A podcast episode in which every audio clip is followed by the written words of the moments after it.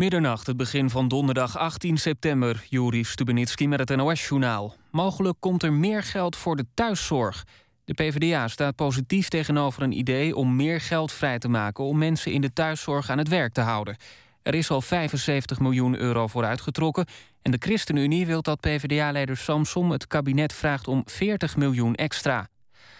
Een KLM-vliegtuig heeft een voorzorgslanding gemaakt in Ierland. Het toestel was van Bonaire onderweg naar Amsterdam en kreeg boven de Atlantische Oceaan motorproblemen. Daarop werd een van de twee motoren uitgeschakeld. De Airbus met 224 mensen aan boord kon veilig landen op Shannon Airport. De passagiers konden met een ander vliegtuig naar Nederland. De Australische politie is bezig met een grote antiterreuractie. Op zeker twaalf plekken in en rond Sydney en Brisbane zijn invallen geweest. Enkele mensen zijn opgepakt, maar hoeveel is nog niet duidelijk. Omdat de actie nog bezig is, wil de politie niets bekendmaken. Vorige week verhoogde Australië het dreigingsniveau voor aanslagen. Aanhangers van terreurbeweging Islamitische Staat zouden een bedreiging vormen. De explosie bij Shell in Moerdijk in juni was het gevolg van overdruk in een reactor. Dat zegt het bedrijf na eigen onderzoek. Volgens Shell is de explosie niet veroorzaakt door menselijke fouten en was de installatie goed onderhouden. Door de explosie en de brand raakten twee mensen licht gewond. Ook de Onderzoeksraad voor Veiligheid heeft nog een onderzoek lopen. Ajax is de Champions League begonnen met een gelijkspel. In de arena werd het tegen Paris Saint-Germain 1-1. Bayern München won thuis met 1-0 van Manchester City. Barcelona won van Apoel Nicosia. Ook die wedstrijd eindigde in 1-0. En Klaas-Jan Huntelaar hielp Schalke 04 aan een gelijkspel bij Chelsea. Het werd 1-1. Het weer, vannacht plaatselijk mist of nevel. Overdag wordt het warm nazomerweer. Veel zon, maximaal 25 graden. In het zuiden kan mogelijk een bui vallen. Dit was het NOS Journaal. NPO Radio 1. VPRO. Nooit meer slapen.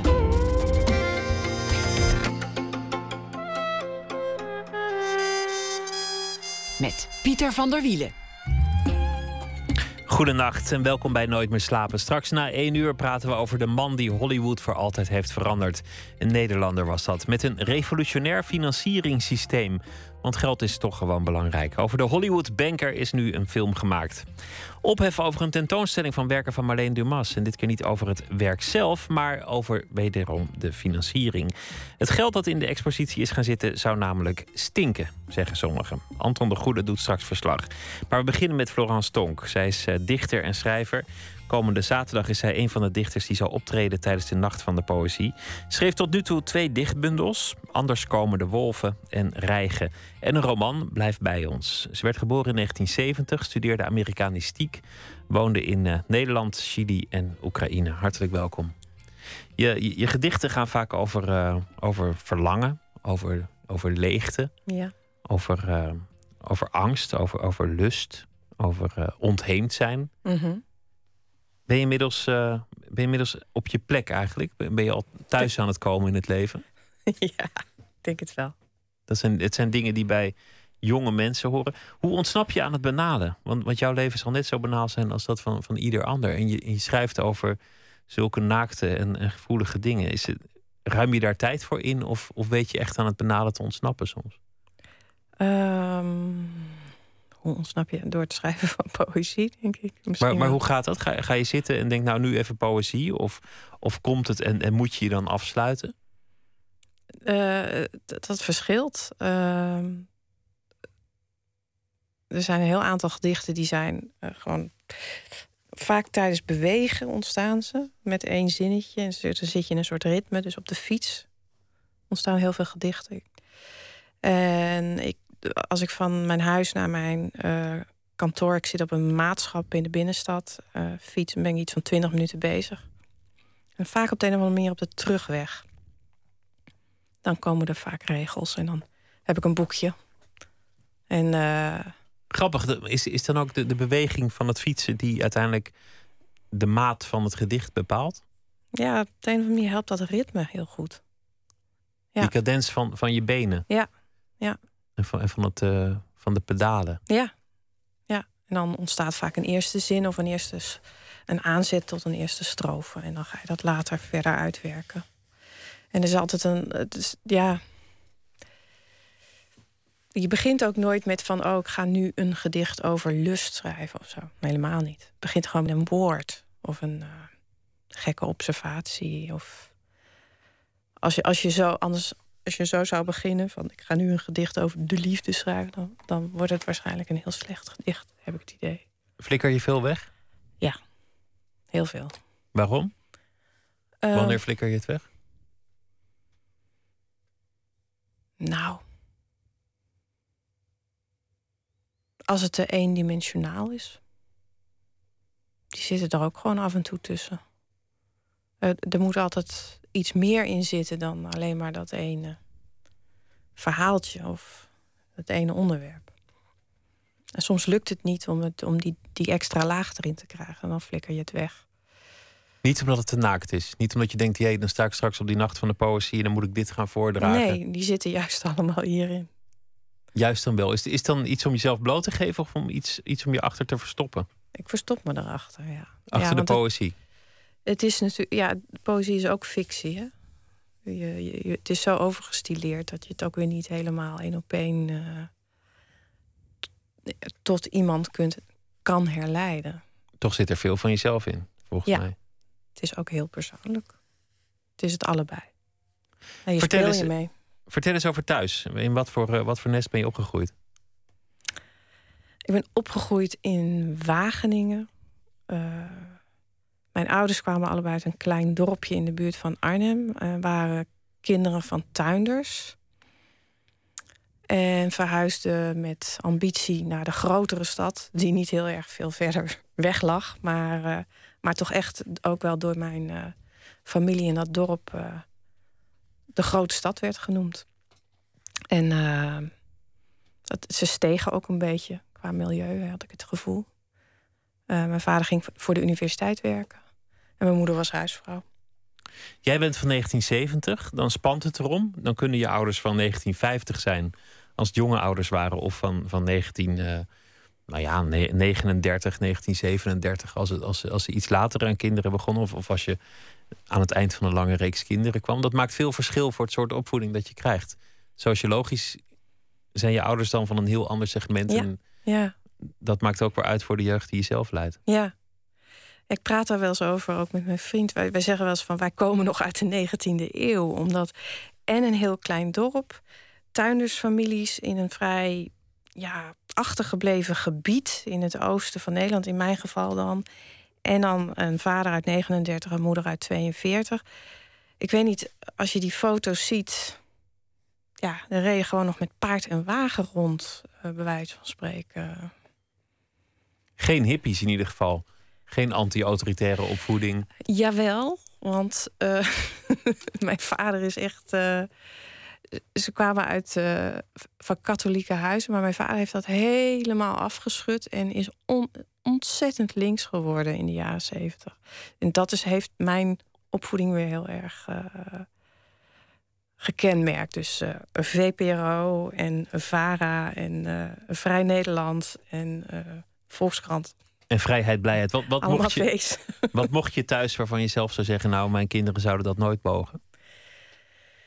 Nou, uh, ze vragen me eerder wat ik niet, wat ik, ja, wat ik niet mocht. Ik mocht niet naar de Tros kijken en, en, uh, en niet naar Veronica. En uh, eigenlijk was Hilversum 3 heette dat toen nog ook een beetje taboe. De popmuziek? Ja, ja, er was wel. De, de Beatles waren toegestaan en Bob Dylan. En mijn moeder hield van reggae en dat mocht ook. Maar gewoon maar uh, klakkeloos uh, Hilversum 3 met de top 40, dat trok mijn vader niet. Dus dat mochten we niet luisteren. Hoe vrijheid ook dogmatisch kan worden ja, als je maar ja. niet in een ander, ander verplaatst. Hoe kwam de poëzie in je leven? Wanneer, wanneer werd je dichter? Ehm, nou ja, ik... Um, dichter ben je bij geboorte, weet ik ook wel. Maar... Er werd wel een beetje aan een soort van cultuurpolitiek gedaan thuis. Dus ik kreeg alles van Annie M.G. Schmid als kind. En ik las heel graag. Dus ik zat eigenlijk al heel jong te prutsen met rijmpjes. En uh, schreef voor de, vol, uh, voor de schoolkrant. Uh, ook wel eens gedichten. En, maar durfde dat niet echt heel serieus te nemen. Tot, tot pas na mijn dertigste. Dat is laat. Ja. Wat was toen het moment dat je dacht: Nou ja, dit is toch mijn roeping, dit, dit wil ik toch echt gaan doen en serieus?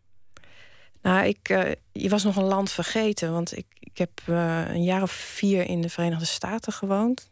Na mijn studie Amerikanistiek heb ik een tijdje een uh, promotietraject gevolgd in de, in de VS. En toen op een gegeven moment zat ik daar in de ziekte van heimwee. En, en ook heimwee naar de taal. En toen was ik op vakantie in, in Nederland. En toen kwam ik in een tijdschrift een artikel over jonge dichters tegen. En daarin stonden Ingmar Heitse, Menno Wichman, Harga Peters onder andere. En daar stonden ook van hun alle drie een gedicht bij. Uh, ik was zo omvergeblazen uh, door de thematiek. En de, het zijn ook echt generatiegenoten van mij. Ja, het, het, was, het voelde alsof het uit mijn hart werd gegrepen. En toen dacht ik van ja, ik moet, ik moet terug. Ik moet naar huis. Ik moet... In de taal? Ja, ik moet iets, hier, hier moet ik iets mee. Ja. Menno Wichman treedt ook uh, op komend weekend op die Nacht van de Poëzie. Zometeen uh, later in het uur hebben we een, uh, een, opgenomen gesprek met hem dat we, dat we zullen afspelen. Ook echt een performer. Als hij, als hij optreedt, dan, dan weet hij ook die hele zaal erbij te grijpen. Ja. Het is steeds meer een, beetje een podiumkunst aan het worden, hè, de poëzie. Bundels verkopen niet heel veel, maar, maar poëzieavonden zitten vol. Ja, maar zo ben ik ook begonnen bij Festina Lente. Gisteren zei Kira Woek het ook op de radio. Op mijn dertigste 29ste kwam ik Voordragen daar. op zo'n avond. Ja, zo ging ik mijn eerste uh, werkjes uh, uitproberen, zeg maar, in dat café. En uh, toen ontmoette ik onder andere Erik-Jan Harmens. Die begon toen ook. Die was al heel lang bezig, maar die, die ging vlak daarna ook debuteren. En ja, zo kom je een beetje in zo'n scene terecht. En uiteindelijk werd ik zo door een redacteur gevraagd om... Om een bundel te maken? Ja, ja. Je zei, ik verstop me achter, achter mijn poëzie. Toch sta je dan op het podium en, en dan draag je iets voor. Zou, zou je nu iets willen voordragen uit je, uit je bundel Rijgen? Ja. Je mag zelf kiezen. Ik heb ook voorkeuren, maar dan kies jij maar. Nou, je roept maar wat. Nou, ik vind het eerste gedicht vond ik meteen heel sterk. Oké, okay, doen we die. Beestjes van glas. Beestjes van glas. Alles zo dun en transparant als de beestjes die een glasblazer ooit maakte. Eigenlijk nog brozer, als een bel uit het potje met sop. Eén vingertop en weg. Wat moet ik als ik er geen vinger op kan leggen? Elke dag ontwaak om te luisteren of niemand is gebroken. Pas ademhaal als blijkt dat alles de nacht heeft doorstaan nog ademhaalt of het beestje dat ik baarde is blijven leven. Uit de droom val ik, bij gedachten aan verkeer op de weg, de feestjes die gaan komen, de bewegingen die het beestje nog zal leren maken, als hij blijft, als hij elke ochtend weer blijkt te ademen. Alle nachten die ik nog zal waken. Ja, past ook mooi bij de titel van het programma. Nooit meer slapen. Je hebt inmiddels een, een, kind van drie. In, in de bundel uh, schrijf je over uh, zwangerschappen die slecht zijn afgelopen. Ja. Het zit allebei in dit gedicht. De, de, de, de zorg over de kwetsbaarheid van een ongeboren kind. Ja. Dat, dat eigenlijk bij het eerste, het beste, slechte delinkje door het lichaam gewoon medogeloos wordt afgevoerd. Ja. Zo kwetsbaar en klein als het is. Maar ja, als, dan heb je uiteindelijk een kind, dan zijn de zorgen niet voorbij. Nee. Je bent voor altijd kwetsbaar. Ja. Is, is dat gedicht daarmee nog actueler geworden dan toen je het schreef? Um, ja, dat, dat, dat kun je eigenlijk wel zeggen.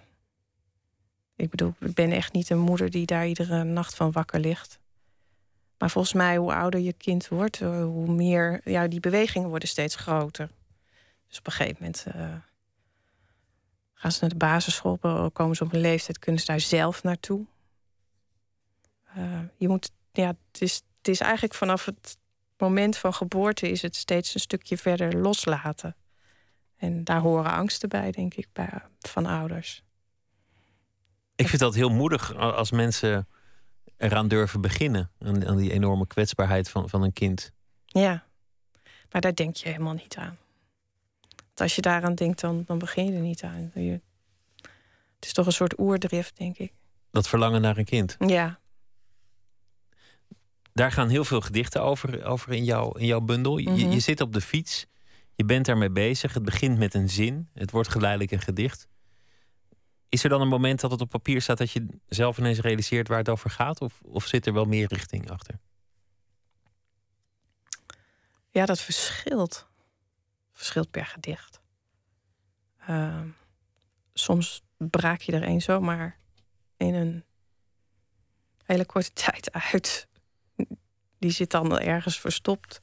En die ga je dan later wel een beetje fijn slijpen en polijsten. Ehm, ik, ga, ik, ja, ik, ik heb wel een aantal gedichten in deze bundel heel bewust geschreven als onderdeel van de compositie van de bundel. Want ik vond bijvoorbeeld dat eh, ik niet het hebben van een kind of de kinderwens wilde ik niet helemaal ontzettend gaan verheerlijken. Ik wilde daar ook, wilde daar ook een tegengeluid eh, voor laten horen. Ik wist ook nog niet van gaat het lukken. Ik- Tenminste, toen ik die bundel voltooide, had ik dat kind al. Maar ik vond toch dat het ook een tegengeluid verdiende. Ik wilde het niet tot een hele. Niet voor absoluteren een kinderwens. Nee, helemaal niet. En dat gebeurt. Wat, wat is eigenlijk een kinderwens? Want, want ik, ik heb zelf die krabbel niet zo enorm. Dus, Nee. dus leg eens uit wat het is, een kinder, kinderwens. Hoe uitzicht dat? Wanneer begint dat? Waar merk je dat aan? Wanneer is het het ergst? Hoe werkt dat eigenlijk? Ja, ik denk ook wel dat het misschien voor vaak voor vrouwen ook nog wel weer anders is. Het, was, het werd bij mij op een gegeven moment wel een bijna een fysieke wens. Gewoon zin om iets vast te houden en te verzorgen, liefde te geven. Echt een gemis. Ja, Echt een leegte. Ja. Het gaat heel ver, want het bepaalt mensen hun leven. Ja het gaat Het- ontzettend ver. Het is het- echt een bizarre verandering ook in je leven. Het wordt ook door, door elke verzekeraar steeds meer erkend als, als, als, als een medische conditie, een kinderwens. Mm. Een, een verlangen dat, dat gemedicaliseerd wordt. Mhm. En je zei van ja, toch moet er ook een tegengeluid tegen zijn. Dat vind ik ook wel interessant. Dat je, dat je in een periode waarin je daar zelf heel erg naar leeft en dat het ook een paar keer niet goed afloopt. Ja. Dat, dat, je, dat je het kindje verliest of, of de vrucht verliest. Ja. of hoe je het noemt in die, in die fase. Dat, dat je dan toch denkt, ja, er moet ook een tegengeluid komen. Dat is ook omdat ik vrienden heb die bewust geen kinderen hebben. En, en omdat ik zelf vrij laat ook moeder werd. eh, kreeg ik natuurlijk al jaren gezeur aan mijn hoofd van nou. eh. en dat vond, ik, dat vond ik vervelend. Dat gezeur van dat, wordt het niet dat de gaat, tijd. gaat vrij ver eigenlijk. Ja, maar mensen doen dat gewoon. Vinden dat volstrekt normaal om dat aan een vrouw van 35 te vragen. Of er, of er al iets en misschien, aankomt. misschien heb je dan al wel twee miskramen gehad, weten zij veel. Maar mensen vragen dat gewoon als je samen woont en je bent. eh, het, het- ja, het is echt eigenlijk heel, te pijnlijk voor woorden. Het is, maar het, is, het hoort helemaal niet tot het sociale taboes om daarover te beginnen met iemand op een feestje. Goh, waarom heb jij eigenlijk eh, geen kinderen? Maar dat is gewoon truttigheid, toch? Ja, Dat is gewoon omdat mensen, mensen niet creatief genoeg zijn om meerdere visies op het leven te openbaren. precies. Nou, maar dat, daar wilde ik ook iets over laten horen. Want ik zat ook heel lang bij die club. Maar als je, als je in zo'n cultuur gro- opgroeit en, eh, of, of leeft en je bent net een kind kwijt en je hebt dat verdriet, dus je hebt dat gemis. En dan, dan nou ja, de hormonen gieren door je lijf en je bent blij dat het er komt en je, je verlangt ernaar. Misschien heb je al, al een kamer ingeruimd, al dan niet in gedachten. En, en het gebeurt niet. En dan word je aan alle kanten geconfronteerd met zo'n cultuur waarin de voortplanting zo verheerlijk wordt. Ja. Ja, daar werd ik af en toe heel boos. Boos. Ja, ik kan me heel goed voorstellen. Ja, er zit ontzettend veel woede in deze bundel. Op allerlei manieren. Maar eh, ja, daar weet ik al. eh daar kon er wel pissig over zijn. Is die boosheid weg nu, nu je een kindje hebt? Of, of Nee. zit het er nog? Nee, volgens mij is het gewoon een basisemotie van mij. Nee, maar ik bedoel ook, ook de, het, het verdriet om het verliezen van, van, eh, van, van een vrucht, van, van een miskraam. Is dat weg als het dan een keer wel is gelukt? Of blijft dat er toch zitten? Ehm, nee, dat, dat, dat vervaagt wel. Ja. Ik kan, kan het, ik kan het nog wel, als ik dat ene gedicht. Er zit één gedicht bij. waarin ik vanuit Mexico herstellende van een, een miskraam eigenlijk terugkijk op, op die miskraam. Als ik dat lees, dan voel ik nog wel dat intense verdriet en die, dat gevoel van falen eigenlijk. Wat je lichaam heeft je gefaald. In de steek gelaten, want het is niet gelukt om. Dat, is natuurlijk ook iets, iets zeker in zo'n zo'n voortplantingscultuur waarin wij leven. Wat, wat enorm tot jouw taak is gaan behoren als vrouw. Nou ja, misschien is het niet eens de voortplantingscultuur. Het is gewoon een hele cultuur. Alles is natuurlijk op, op slagen gericht. En uh, alles is zogenaamd beheersbaar. Maar dat is het helemaal niet. En vooral dit soort dingen niet. Want als je, als je, als je het over kinderen krijgen hebt, dan ga je gewoon echt terug naar de oertijd. Ik bedoel, er moeten gewoon hele fundamentele dingen gebeuren. Ook een bevalling. Dat is een soort, ja. ik heb me daarover verbaasd. Dat, dat is in de 21ste eeuw nog steeds een soort enorm oerding. Daar kunnen mensen bij doodgaan. Uh, is ook een beetje een ideaal, hè? Want mensen, die mensen vinden het ook heel erg als iemand daar een prikje bij wil om de pijn te verzachten. Dat is een, een discussie waar ik me nooit in zal begeven, want er worden mensen van beide kampen onmiddellijk boos. Ja. Ah joh, je wordt helemaal gek. Dat is alleen al een reden om geen kinderen te, te krijgen. Is al die meningen die je over je heen krijgt. Zodra uh, bij de zwangerschap begint het al. En dan de opvoeding en de puberteit. We gaan luisteren naar muziek van Sean Rowe. Hij is een eh, singer-songwriter uit New York.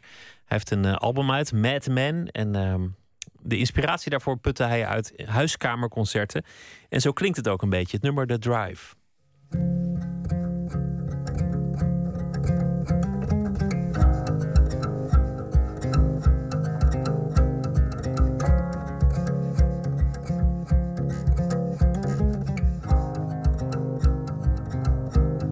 I waited for tonight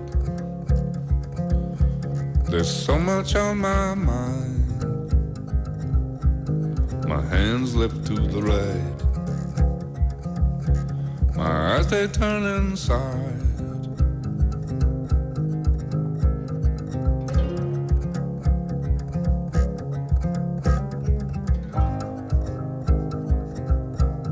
She don't have to try. With more than just her skin. Cause I don't have to know. I just want to win.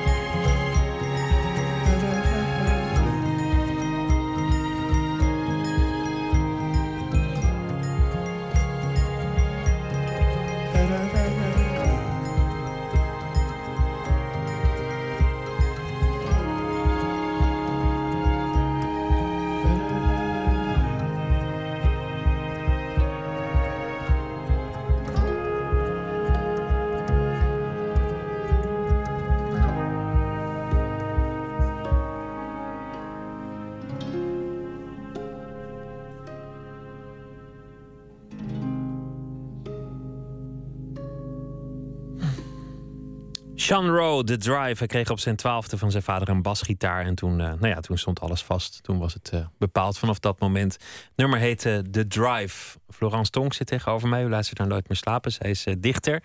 Treedt komend week aan de op tijdens de Nacht voor de Poëzie. Nacht van de Poëzie. We hadden het net over dat jouw ouders van voor, respectievelijk tijdens de oorlog zijn. Mm -hmm. Jij van 1970 een soort generatiebewustzijn is iets wat jou bezighoudt. Je had het ook meteen over dichters van jouw generatie of jonge, jonge, jonge dichters. Ja. Heb jij het gevoel dat je behoort tot een generatie of een bepaalde tijd? Ja. Ja, ik, ik denk dat het best belangrijk is. Uh, dat, dat het grootste deel. Of ja, mijn eerste grote bewustwording tijdens de jaren tachtig uh, heeft plaatsgevonden dat heeft me wel gevormd. En, uh, een en best een, een, een tijd van, uh, van schraalheid, hè? grote werkeloosheid, uh, grote kernwapendemonstraties. best wel wat aardig wat engagement. Was ook dat, dat linkse Wageningen waar ik opgroeide. Het linkse gezin. Een alternatieve middelbare school. Dat, dat, um, en ik merk dat ook als ik mensen van mijn leeftijd uit andere delen van het land ontmoet. Dat, ja, je deelt gewoon dingen. Je deelt nummers. Lloyd Cole en de Commotions. Uh, ik noem maar een. Mijn hemel, ja. Weet je, opeens heb je je naam weer te pakken en dan. Ja, dat, het is een hele sfeer en een, een tijd die je deelt. Het opmerkelijk is dat, dat de generatie ervoor, um, die wilde de wereld veranderen, wilde alles anders doen. En die gaven dat heel erg mee aan hun kinderen. Dat, dat zie je aan de kinderboeken, de tv-series. Maar ook het, de manier waarop onderwijs werd gegeven in, in die periode werd heel erg gestreefd om, om dat voor te zetten via die kinderen. Die betere samenleving waar anders kon die tot zijn recht komen dan via die kleintjes. En, en die kinderen die die kinderen van de jaren 70 die wilden eigenlijk helemaal niks. Die wilden gewoon een huis en een baan. En liefst een vaste baan en een auto voor de deur. En zo snel mogelijk kinderen krijgen. of doe ik ze nou tekort? Ja. Ik weet, ik, ja, ik, ik was niet een van hen, maar ik was ook geen grote uh, strijder tegen het onrecht. Heel pragmatisch. Het is de generatie die nu de macht krijgt. Het is de generatie van, van de huidige uh, politici eigenlijk. Hè? Dat zijn de, van Rutte en Rutte, Samson. Samson en, uh, en uh, hoe, heet, al die andere vogels. zijn allemaal eind jaren 60, begin jaren 70. Dat is ja. ja, ik las, ik las een beetje een andere invalshoek, maar ik las gisteren een heel ja, woedend stuk van Will Self in de New Statesman. dat ging over uh, hipsters. En hij, had het, hij, hij fulmineerde tegen de hipstercultuur. Maar toen zei hij van ja, wij hebben dat eigenlijk zelf gecreëerd. Want eigenlijk is het gewoon de jaren negentig all over again. Uh, door, die, uh, door dat postmodernisme. Het stuk relativeren van kunst en cultuur. Dus ook reclames waren opeens een kunstvorm. Dat hebben wij zelf gedaan. Hij is dan wel iets ouder, hè? hij is ergens in de 50 of zo. Zei, wij hebben dit zelf gecreëerd. En, en toen dacht ik van, hé, hey, daar zit ook wel wat in. Want wat waren wij inderdaad, uh, mij, als ik terugdenk aan mijn medestudenten, wat een gezapige types. Opeens ging iedereen ook nog een een doctoraal bedrijfskunde en communicatiewetenschappen erbij doen naast geschiedenis. Omdat ze toch wel bang waren anders niet aan een baan te komen. En, en natuurlijk de heersende gedachte in de jaren negentig was dat, dat als je idealen had, dat je ook van binnenuit het systeem ook kon veranderen. En dat het niet uitmaakte dat je, dat je een, een vet salaris en een, en, een, en een mooie dikke auto van de zaak had voor je idealen, dat je dat allemaal prima kon verenigen. Ja. Dat, dat, was, dat was de vrolijkheid van de jaren negentig. Ja, dat is ook wel zo. Of je het nou derde weg noemt of, of, of een andere naam eraan gaf. Ik ben maar eigenlijk was het achteraf bezien, denk ik, toch een excuus voor, voor gezapigheid en burgerlijkheid. Mm -hmm.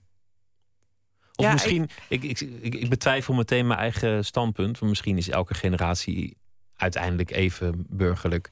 En eindigt iedereen globaal gewoon ergens rond de middenstip. Ik vond het een beetje bangig wel, begin jaren negentig op de universiteit. Ik, mijn ouders hebben allebei niet gestudeerd.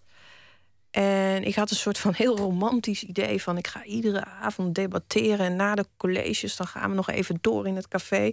Nou, niks daarvan. Mensen wilden naar huis, woonden al samen of, of woonden soms nog thuis. Uh, iedereen was binnen no time weer uh, weggestoven en was blij met een zesje uh, en dan konden ze weer door.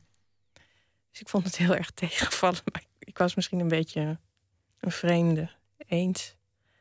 Dus. Ehm, maar ja, in de, jaren zeventig had je, had je de, de, woongroepen en, en de alternatieve leefvormen. In de jaren tachtig werd er gekraakt. er waren allerlei andere manieren van het leven leiden. En, en vanaf de jaren negentig was er eigenlijk maar één model. In de wereld was het model democratie en vrije markteconomie. Ja. En in het, in het leven was er maar één model en dat was het gezin en de baan. Ja. Of, of zelfstandig werken, dat mag dan ook, maar dan. Er waren eigenlijk heel weinig mogelijkheden om ergens aan te ontsnappen. Mm En idealen, dat, dat mocht je ook onder werktijd doen, maar eigenlijk wisten, wisten mensen met idealen ook helemaal niet zo goed wat het ideaal was. Nee. Nee, de, de, grote verhalen waren er niet meer. Wouter Bos, die, die desgevraagd ooit zei... dingen een beetje beter maken voor de mensen in het land. Dat was zijn grote ideaal. ja, uh, ja.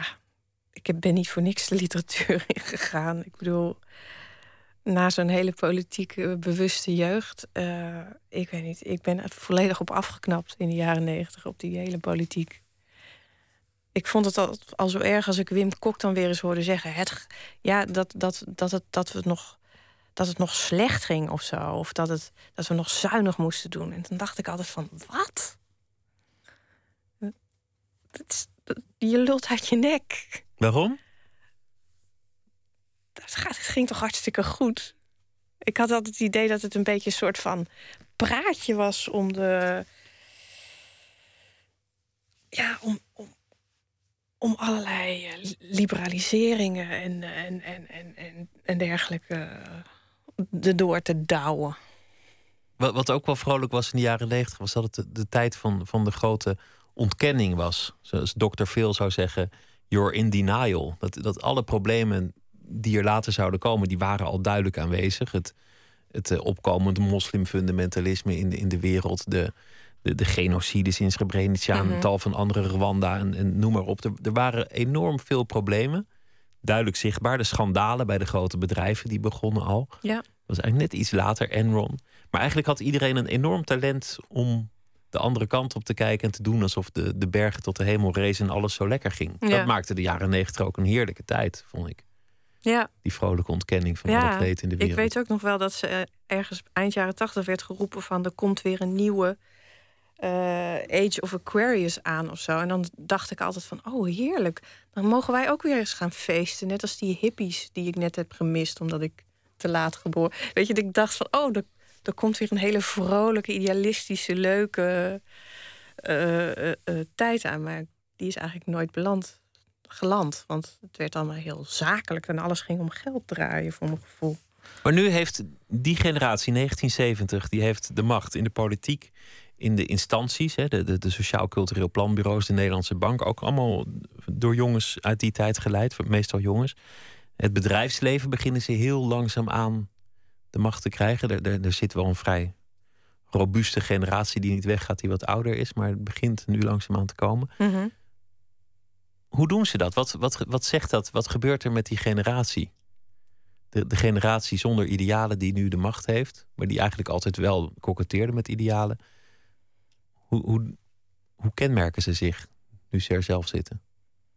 Jeetje, ik, ik voel me daar helemaal niet een onderdeel van. Je, je eh, bent de literatuur in gerend en dacht, nou, het is mooi. Ik ben zelfstandig. En natuurlijk, ik bedoel, ik, ik, ik, ik, heb, ik doe ook heel veel zogenaamd toegepast werk, tekstschrijven en dat soort dingen. Dus ik kom ook wel in bedrijven en organisaties. Maar ik voel me toch altijd een beetje een buitenstaander. Ik ben nou altijd wel weer blij als ik weer naar mijn maatschapje mag. Of naar mijn zolderkamer. Om te dichten? ja. Laten we verder gaan. Ik zei aan het begin dat je, dat je in Oekraïne hebt gewoond en, en in Chili. Hoe raakte je daar verzeld? In, in beide gevallen vanwege de liefde, geloof ik. Hè? Ja. Ja. Hoe ging dat? Uh, ik moest mijn scriptie schrijven en uh, mijn toenmalige vriendje zat uh, daar onderzoek te doen in Santiago en had daar een fletje. Toen dacht ik van ja, ik kan ook vier maanden in, in Nederland gaan zitten typen, maar ik kan ook in, een, in, in dat fletje in, in Chili gaan zitten typen. En dus toen heb ik zo'n zo'n zo'n koffertje wat, wat mee mag aan boord, heb ik helemaal gevuld met kopietjes A4. Daar zat mijn onderzoek in en uh, en een laptop. En uh, toen heb ik, dat, uh, heb ik dat daar geschreven, die scriptie. In Chili was dat? Ja. En ondertussen lekker, ja, lekker feesten. Veel salsa gedanst en, en dat soort dingen in die tijd. Goede wijn gedronken. Ja, carpariña's. Chili was, Chili was een land dat, dat heel lang een dictatuur is geweest en dat, dat ineens een, een vrij land was. Dat, dat zich daar in een heel korte tijd van af heeft gemaakt. Ja. Een, een enorme verandering. Daarna heb je in Oekraïne gewoond, wat deel uitmaakte van een imperium dat ook onvrij was. Ja. En dat ook een enorme omwenteling. En beide omwentelingen gingen eigenlijk, dat is ook zoiets aan, aan de jaren negentig, denk ik, gingen zo geruisloos. Ja, klopt. Alsof, alsof het bijna een formaliteit was. Ja. Wat, wat merkte je daarvan allereerst in Chili en, en daarna in Oekraïne. Hoe is het om in een land te leven dat in zo'n korte tijd veranderd is, maar waar eigenlijk het lijkt alsof het altijd al zo geweest is? Nou, in Chili was het uh, heel opvallend dat uh, mensen er geen zin in hadden om erover te praten. Uh, Chilenen. Ze wilden gewoon niet over praten. Het verleden moest uitgewist worden, was er gewoon niet. Ja, maar die Pinochet leefde toen nog gewoon. En was het niet echt berecht? Nee. Dus ik denk dat ze het nog niet helemaal geloofden ook. Dat ze het zoiets hadden van, nou, we houden ons nog even koest. Um, dat vond ik ontzettend opvallend. Ik had gedacht van, nou, nu, nu gaan we het horen. Nu, hè, nu komen de tongen los. Ik wilde dat ook heel graag weten. Maar er werd me ook al heel snel te, te verstaan gegeven van, nou, doe maar niet.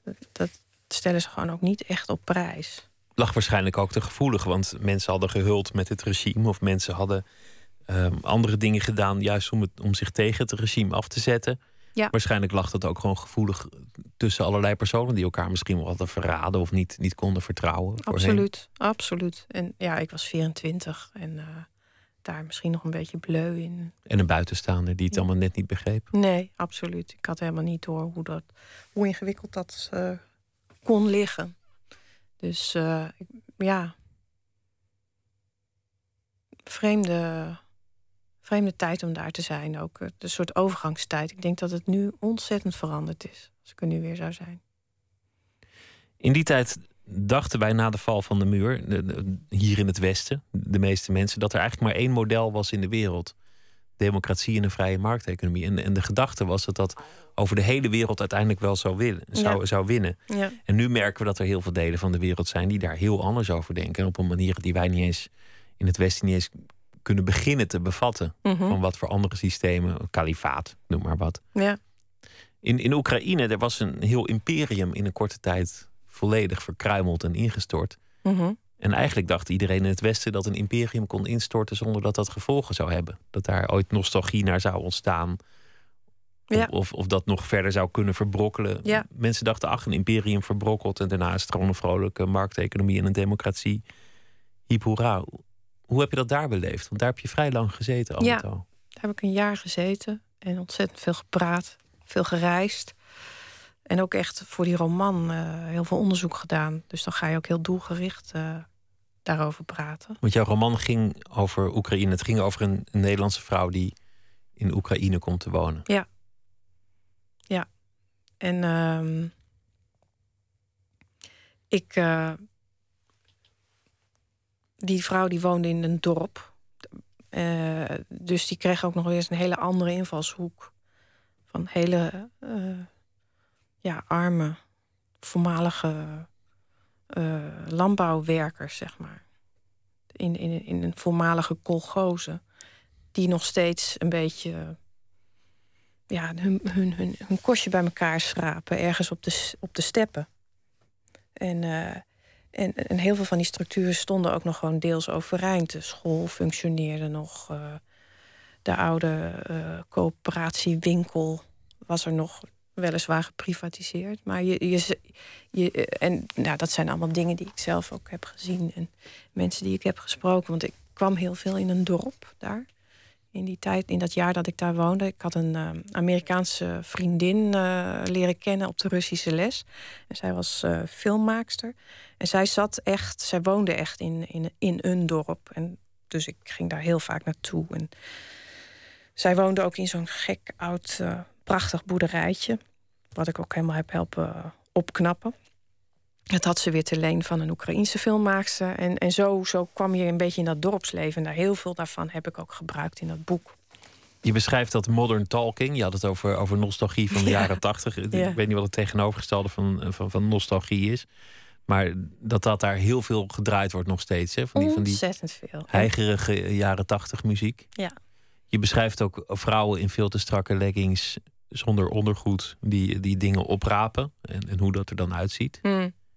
Het, het, wordt, het wordt vrij levendig, het beeld dat je schetst van, van, van Oekraïne. En van, nou ja, van armoede eigenlijk. Ja. Dat is misschien universeler dan alleen Oekraïne. Nou ja, ik vond het wel grappig, want uh, er, uh, in de Volkskrant stond destijds een recensie over het boek uh, van Aai Prins. En die woont zelf in, in Sint-Petersburg. En, en die schreef haar beschrijvingen van Oekraïne komen beangstigend authentiek over. En dan weet ik niet of dat nou echt een aanbeveling is voor een roman. Maar ik denk dat. Ik heb haar later een keer eh, gesproken bij een presentatie. En toen zei ze: Ja, ik vond het heel herkenbaar. En dan zie je ook nog hoeveel parallellen er zijn, ook naar Rusland toe. Want daar is zij voornamelijk, volgens mij, uh, weet zij meer van Rusland. Hoe beleef je dat nu? Want je, je hebt daar gewoond. Uh, je hebt in die, in die samenleving meegedaan. Je bent teruggegaan om er een boek over te schrijven. Mm en nu is ineens ja, het hele verhaal van Oekraïne vol op ons Nederlandse bord geland deze ja, zomer. Bizar, hè? Echt heel raar. Nou ja. Iets wat toch eh, relatief ver van ons af leek te staan, van, van iedereen af leek te staan. En ineens waren we min of meer een partij in dat conflict. Ja. Ja, dat vond ik eigenlijk. Ik bedoel, dat ongeluk was ontzettend tragisch. Maar de, de manier waarop Oekraïne op ons bord kwam, was natuurlijk eigenlijk ook heel tragisch. Daar was al, al heel erg lang van alles aan de hand. Wat heel ellendig is. En een van de dingen die ik leerde toen ik uh, daar heen reisde de eerste keer in een auto, was dat het verdomd dichtbij is. Uh, je rijdt net zo uh, lang naar de grens van Oekraïne als naar de grens met Spanje. En dat doen mensen gewoon iedere zomer. Dus um, ja, dat het op zo'n manier hier moest gaan leven, uh, dat vond ik vanuit het Oekraïense oogpunt heel tragisch. Wat ik indrukwekkend vond, was dat mensen daar voor de Nederlandse ambassade bloemen hadden neergelegd ja, na, na die ook. ramp. Ja. En ik vond het indrukwekkend omdat het een, een gebaar van solidariteit en menselijkheid was. Maar ook omdat ik dacht, ja, heel veel mensen hebben daar hun eigen leed. En dat, dat op de een of andere manier vinden ze dan toch de ruimte om die bloemen daar te leggen bij een ander nee, land. Ja, ik vond of het, moet ik het ik, anders zien? Ik, ja, ik vond het niet uh, indrukwekkend. Ik vond het diep en diep tragisch. Ik vond het heel treurig dat er 200 Westerlingen moesten sterven om hun de hoop te geven dat zij ook een beetje uh, op de kaart zouden worden gezet. Met hè, misschien al wel duizenden doden in het conflict. Ik bedoel, dat begon al tijdens die hele opstand tegen Janukovic in de straten van Kiev met scherpschutters. Er zijn dagen bij geweest dat er 200 mensen uh, overleden. En dat, dat, dat, dat conflict speelde al, al op dat moment al jaren. Dat is natuurlijk het meest tragische dat mensen de hoop hadden dat, dat het iets voor hen zou doen, deze ramp. Dat het als bijgevolg zou hebben dat Europa ineens volle aandacht zou hebben voor, voor het conflict daar. Ja, dat het leed van die Nederlanders eigenlijk hun leed uh, zou optillen. Dat het, dat het de emmer zou doen overstromen en dat er iets gedaan zou worden. Ja, een boycott, dat is eruit voortgekomen. Ja. Ja, maar ja. Ja. Het, het is een tamelijk hopeloze toestand. Met, met Poetin daar in Rusland. Totaal onberekenbare factor natuurlijk. Met zijn ideeën van een groot Rusland. Nou ja, dat komt dus voort uit, uit een imperium dat verkruimelt. En waar weinig voor in de plaats komt. Dan, dan zal het ideaal om, om dat imperium soort van te herstellen op een, op een zeker ogenblik wel populariteit winnen. Ja, En daar zal Nou mee ja, te sporen zijn. een van de dingen die wij niet, wij ons te weinig realiseren hier is denk ik dat eh, als dat imperium verkruimelt en er ontstaat een, een soort maffia van ex-partijbazen en handige figuren die alle staatseigendommen eh, snel vergaren en het plebs blijft gewoon ehm zijn kostje bij elkaar schrapen en straatarm. Dat er mensen, heel veel mensen in het volk zijn die gaan terugverlangen naar de zogenaamde zekerheden van, van, van voor. ja, vanuit de communistische tijd. Want eh, dat zei een keer meisje tegen mij: van wij hadden toen ook niet veel, maar we hadden wel dromen. Het, het communisme eh, en de Sovjet-Unie hield nog een soort van dikke vette worst als, aan een hengeltje voor onze neus. Van, daar gaan we naartoe, naar de helstaat. En dat zat in het onderwijs, dat zat helemaal in de, in de politieke cultuur. In, dat was bijna een soort, eh, ja, een soort publieke religie, zou je het kunnen noemen. En eh, dat ehm, is ook een wapen wat, wat of, eh, ja, dat is ook een, een truc die Poetin kan inzetten. Hij grijpt terug op die, op die nostalgie, op die, hij grijpt terug op die beloftes. Op dat idee van het groot Rusland is dan in de plaats gekomen voor de socialistische heilstaat. En daar zijn nog zat mensen voor te porren. En uiteindelijk gaat het ook over hele menselijke dingen. Mensen vinden het niet erg om het slecht te hebben, zolang je buurman het maar niet beter heeft dan, dan jij. Of zolang je maar het gevoel hebt dat er niet iemand anders niet volgens de regels hoeft te spelen en zich schaamteloos kan verrijken over jouw rug. Ja. Dat, dat soort dingen speelt ook mee. Ik wilde even weg van Oekraïne en, en de politiek en, en terug naar de poëzie. Mhm. Ik noemde al een, een vrouw zonder onderbroek in een legging op een fiets die iets opraapt en hoe dat eruit ziet. En dat dat misschien niet altijd heel fraai is. Dat ging dan over armoede en Oekraïne. Maar het gaat ook over de angst om oud te worden. Want je, want je schrijft ergens, als je erover schrijft, je hoopt dat je er nooit zo uit zult zien. Oh. Hm? In de roman. zit Oh, in dat. een roman. Nee, Ja. Volgens mij is de scène waar jij aan refereert... is dat van een oude vrouw die daar haar rokken afpelt... alsof, alsof ze een ui is. En dan op, op een gegeven moment bukt ze om te urineren. En dan ziet het... de hoofdpersoon ziet vol in haar... eh, Ja, dat is, zo hoop je er inderdaad. Dat, dat is natuurlijk ook niet heel, heel, eh, heel smaakvol. Maar ik, ik, kwam het, ik kwam het verder ook op andere plekken tegen. Een, een angst om oud te worden. Want we hadden het over die generatie die, Mm. die nu over die 40 heen is. En vanaf 40 gaat het snel. Want dan is het eh, nou ja, drie dagen na 45 en, en 48 minuten naar 60 en eh, mm, 30 seconden naar 70. Want het gaat steeds sneller de tijd. mhm. Is, is dat een angst bij jou? Ja. Misschien wel. Het is wel een besef in ieder geval. Ik weet niet of het een angst is. Het is wel iets wat, wat een grotere. Ja, angst, angst, daar zit altijd nog de gedachte in dat je het kunt vermijden. Dat is natuurlijk niet zo. Nee. Het, het, wordt steeds, ja, het, wordt wel steeds meer een soort van aanwezigheid in je leven. Dat, eh, de tijd. Sterfelijkheid zit ook veel in je bundel. Ja. Ik ken jonge dichters die er minder mee bezig zijn. Ja, ja dat had ook wel deels, denk ik, ook wel met die, met die ervaringen te maken. Eh, met die miskramen misschien ook wel. Van dat dingen gewoon mis kunnen gaan. Dat, eh, en, en, en mijn ouders eh, was een hele vreemde combinatie in diezelfde periode. Die allerlei kwalen kregen en, en ziekten. En waar ik me zorgen over ging maken. En ja, dat, dat komt daar dan in terecht. Ik weet niet.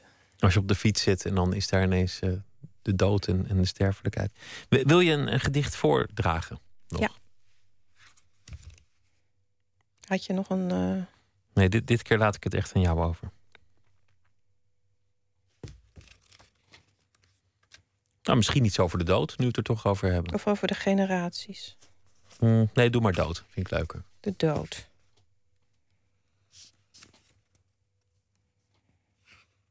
Ik heb helemaal niet zo bewust het idee van, nou, dit gedicht gaat over de dood. Nou, dan doen we geen gedichten over de dood. laten, we het, laten we het erbij. Ehm, de duizend dingen. Ja, dat is een mooie. Doe die. Daar komt het woord in ieder geval in voor. duizend dingen. Altijd november en nog steeds een lege schoot. Een half leven dichter bij de dood. Scheld me beurs, omdat ik zoveel treuzel voor het vertellen, voor het zingen, voor de start van werkelijke dingen. Maar ik heb beschutting, ik heb vreten. Behalve weken slapen wil ik nog duizend dingen weten. Dankjewel, Florence Stonk. En heel veel uh, plezier komend weekende bij de Nacht van de Poëzie. Met, het, uh, met het voordragen. Ik heb er heel veel zin in. En met je nieuwe roman waar je mee bezig bent. Ja. Daar uh, heb ik expres niet naar gevraagd. Want je moet dingen eerst afmaken en dan daarna moet je erover praten. Dank dat je te gast wilde zijn. Dankjewel. We gaan luisteren naar muziek van Winoni Harris. Ze begon zijn carrière als professioneel danser. Maar werd eind jaren 30 een blues shouter met heel veel succes. 1956. Tell a whale of a tale. I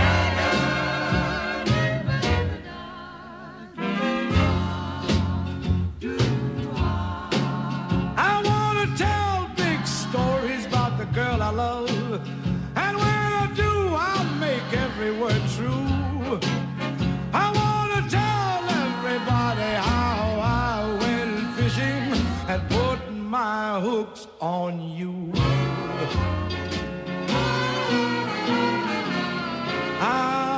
Tell a whale of a tale about your kissing, whale of a tale about your hugging too. You've got an octopus squeeze when you hold me tight, an electric eel kiss that makes my eyes shine bright.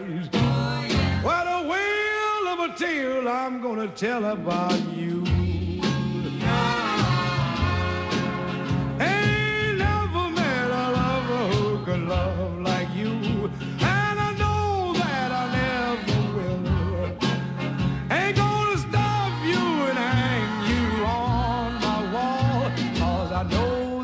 You couldn't keep still.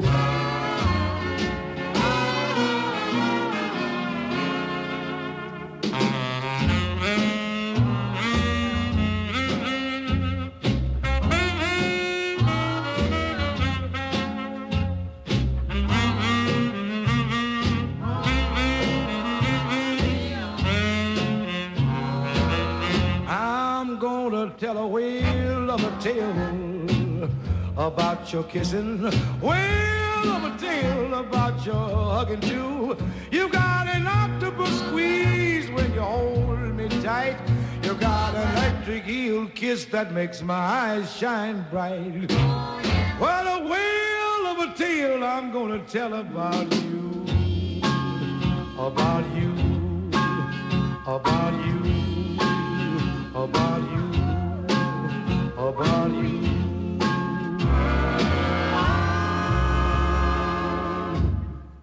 Winoni Harris, 1956. Tell a whale of a tale.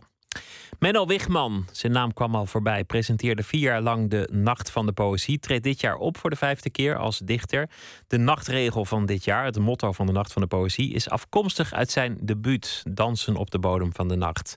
In de foyer van Hotel Americain vertelt hij hoe ziekte de poëzie kan tegenwerken en ook weer tot poëzie kan leiden.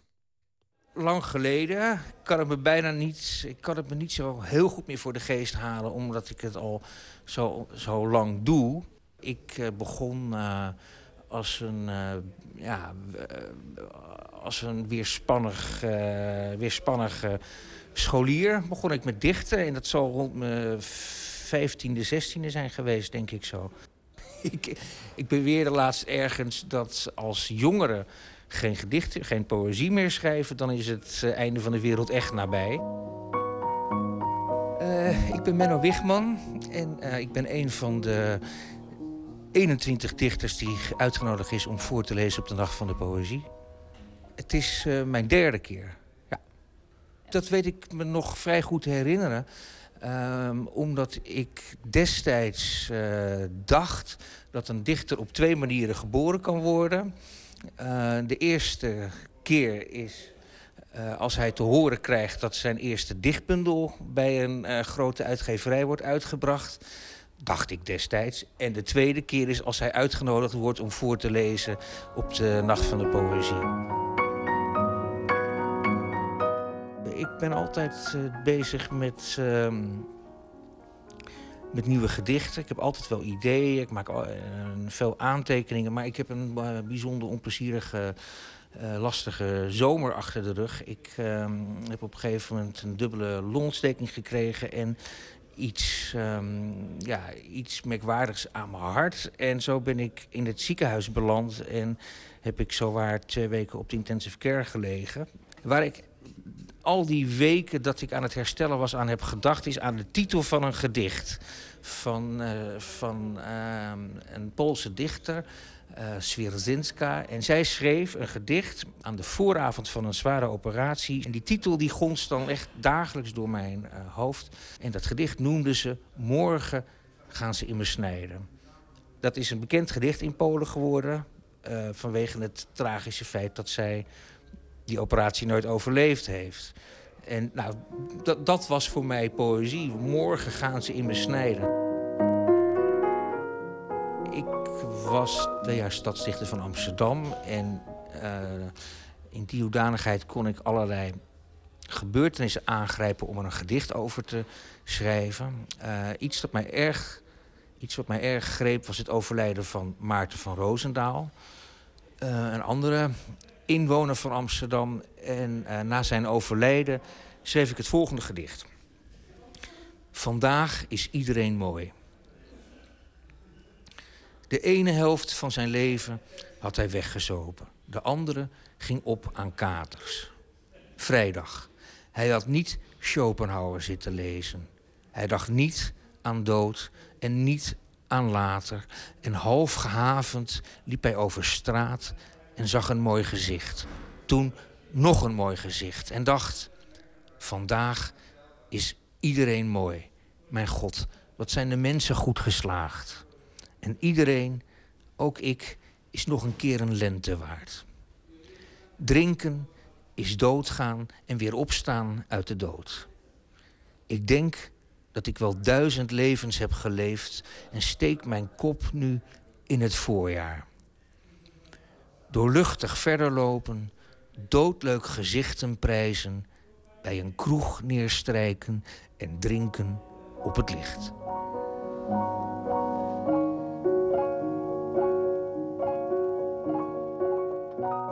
Menno Wigman was dat in gesprek met Nicky Dekker. Meer dichters, interviews en informatie over de nacht van de poëzie te vinden via www.vpro.nl boeken. Zometeen in uh, Nooit meer slapen krijgt u een verhaal van Gustav Peek. Die schrijft deze week elke dag een verhaal voor ons op basis van de afgelopen dag. En dat uh, draagt hij meteen ook uh, voor. En we gaan het hebben over de Hollywood Banker. Er is een film over gemaakt. Een Nederlander die Hollywood wist te veranderen met een alternatief revolutionair financieringssysteem. En ophef over een uh, expositie van Marlene Dumas. Daar gaan we het zo meteen ook over hebben. En we gaan het ook nog hebben over uh, meer uh, beeldende kunst en andere dingen. Twitter, VPRO NMS of via de mail nooit meer slapen, vpro.nl.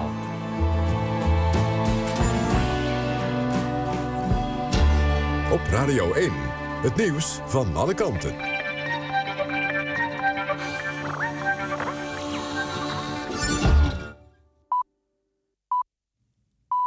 1 uur, Joris Stubenitski met het NOS-journaal. In Australië houdt de politie een grote antiterreuractie. Op zeker twaalf plekken in en rond Sydney en Brisbane zijn invallen geweest. Enkele terreurverdachten zijn opgepakt... maar omdat de actie nog bezig is... kan de Australische politie niet zeggen hoeveel. Vorige week verhoogde Australië het dreigingsniveau. Aanhangers van terreurbeweging Islamitische Staat... zouden een bedreiging vormen. Mantelzorgers krijgen vaak niet genoeg ondersteuning en begeleiding van gemeenten. Daardoor kunnen mensen die bijvoorbeeld hun zieke moeder of buurman verzorgen overbelast raken. Dat zegt het Sociaal en Cultureel Planbureau in een rapport. Om te voorkomen dat ze overbelast raken, zouden huisartsen en thuiszorgmedewerkers meer aandacht moeten hebben voor mantelzorgers, zegt het SCP. Een KLM-vliegtuig heeft een voorzorgslanding gemaakt in Ierland. Het toestel was van Bonaire onderweg naar Amsterdam... en kreeg boven de Atlantische Oceaan motorpech. Daarop werd een van de twee motoren uitgeschakeld. De Airbus met 224 mensen aan boord kon veilig landen op Shannon Airport. De reizigers konden met een ander vliegtuig naar Nederland. Rond de wedstrijd Ajax-Paris Saint-Germain zijn in Amsterdam en Utrecht zeker 80 mensen opgepakt. Supporters van beide clubs zijn gearresteerd, maar ook aanhangers van FC Utrecht zitten vast. Ze zijn opgepakt vanwege wapenbezit, openbare dronkenschap of verstoring van de orde. In Utrecht werden de meeste mensen gearresteerd, zeker 56. De Champions League-wedstrijd van Ajax tegen Paris Saint-Germain eindigde in gelijkspel. In de arena werd het 1-1. Bayern München won met 1-0 van Manchester City. En Barcelona Apoel Nicosia eindigde ook in 1-0. Chelsea en Schalke 04 kwamen niet verder dan 1-1. Het weer, vannacht plaatselijk nevel of mist. Overdag krijgen we warm nazomerweer, veel zon, maximaal 25 graden. In het zuiden van het land kan mogelijk een bui vallen. Dit was het NOS Journaal. NPO Radio 1. VPRO. Nooit meer slapen.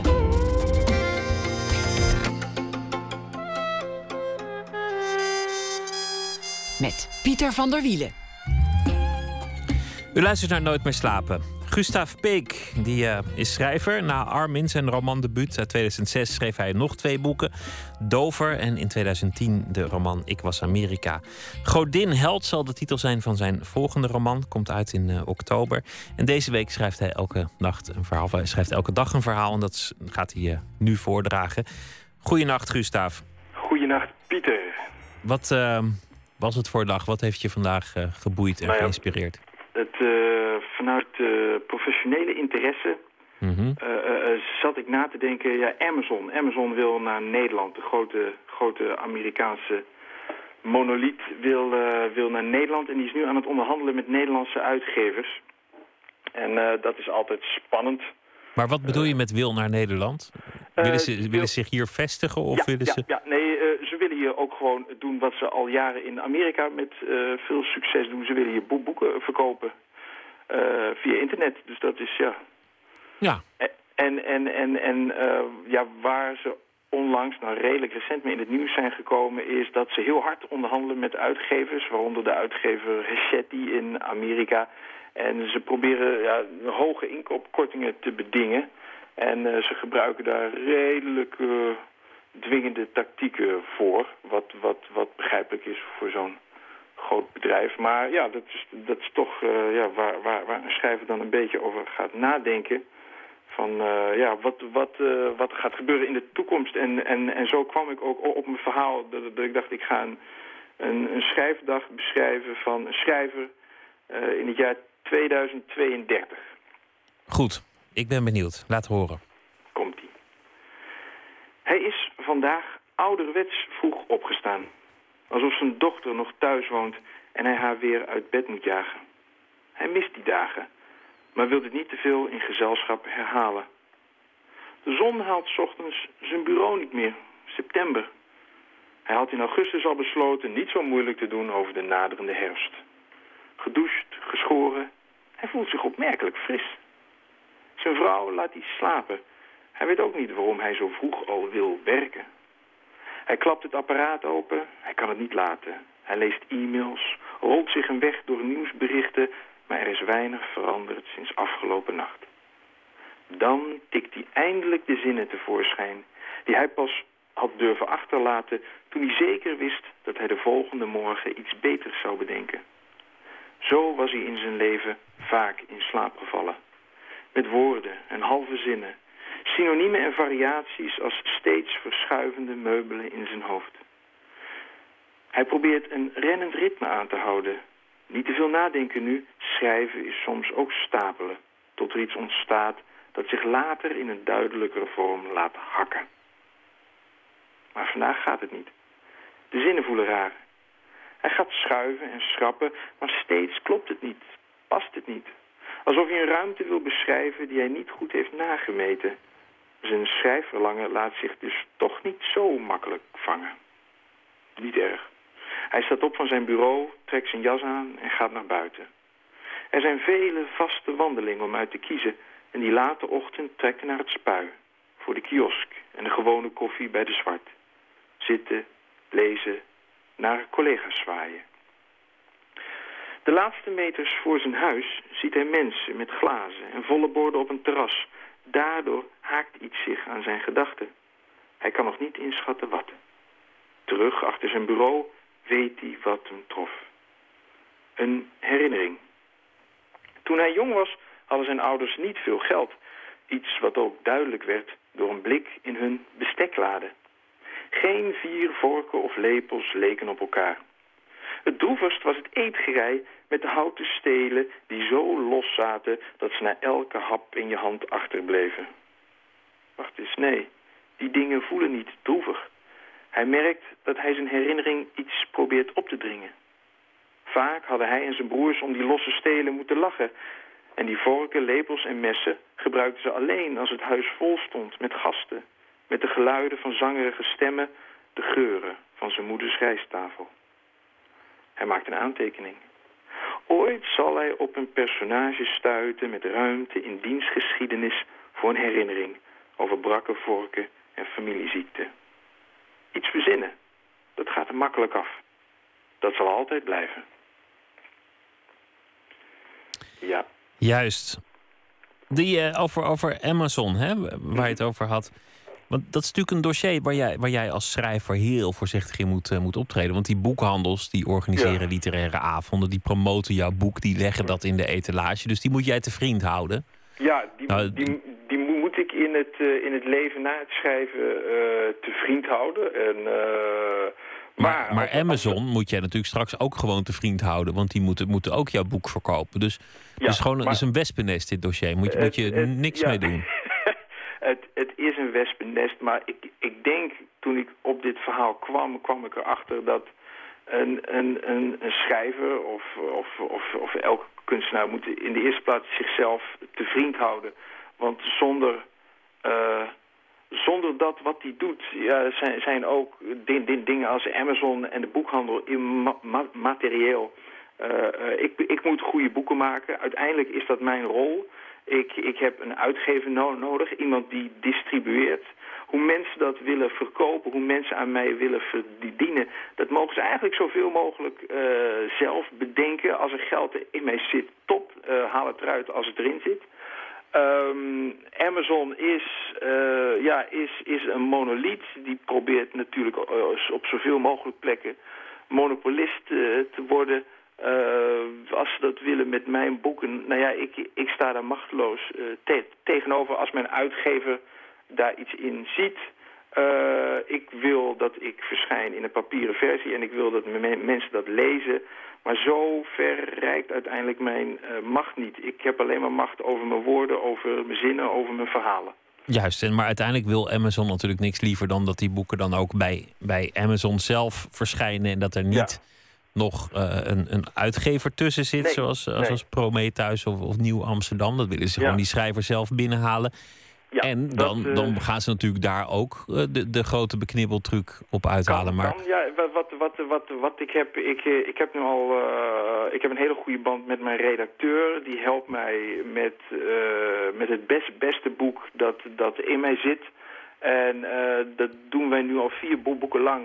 En uh, dit soort bedrijven zal nooit zo gaan investeren in redacteuren. En je zult altijd schrijvers hebben bij wie het toch uiteindelijk om de woorden gaat. Die gaan voor onster onsterfelijkheid en het overwinnen van tijd. En ja, die zal Amazon nooit kunnen lokken. Nee, maar goed, de, de uitgeverij ziet jou ook gewoon als een sinaasappel die ze moeten uitpersen hoor. Dus klopt, maakt, klopt. maakt allemaal maar, niet zoveel uit. Nou, weet je, ik, ik breng uiteindelijk niet zo heel veel op. Ik, uh, ik ben gelukkig ook nog voor andere zaken, holle zaken ook, zoals prestige. Maar ook voor wat onsterfelijke zaken. En daar geloof ik in. En ik, ik, ik, ik snap heel sterk die economische component. Maar uh, iemand zoals ik die zo vrij kan werken en daar een plek voor vindt, dat, uh, daar zit ergens iets nobels in. Gustav, dankjewel. Een goede nacht. En Jij morgen ook. weer een verhaal. Morgen weer. Tot dan. Sydney, Australië, daar komt de band Sticky Fingers uh, vandaan. Waarschijnlijk vernoemd naar een uh, album van de Rolling Stones met dezelfde titel, maar helemaal zeker weten doe ik het niet. Ze hebben een nieuw album uit, Land of Pleasure, en uh, het liedje dat wij draaien heet Rum Rage.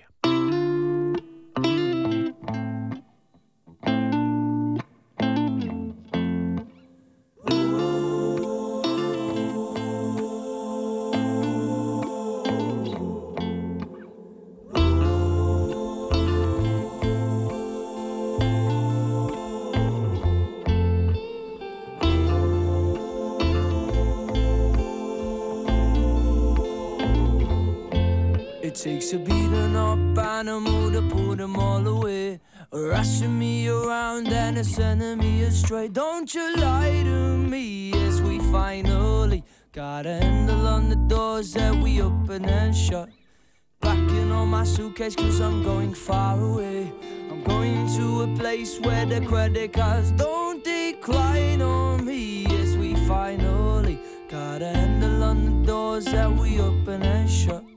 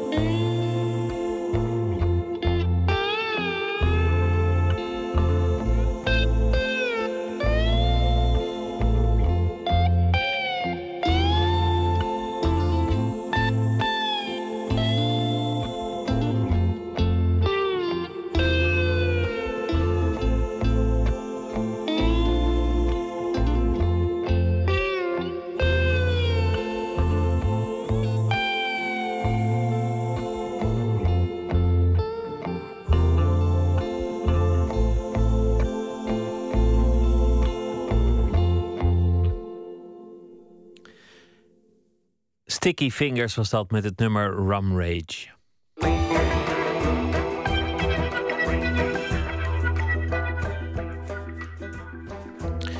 Rosamien Afman wist vroeger alleen dat haar vader Frans Afman iets deed in de film en dat hij altijd een pak droeg. Dat hij een revolutionair financieringssysteem had bedacht dat hem later de bijnaam de Hollywood Banker zou opleveren, daar had ze geen weet van. Toen bleek haar vader ernstig ziek en besloot ze om hem te helpen met het schrijven van zijn memoires. En dat leidde nu, drie jaar later, tot een documentaire, The Hollywood Banker. Drie jaar na zijn overlijden. Volgende week gaat de film in première tijdens het Nederlands Filmfestival.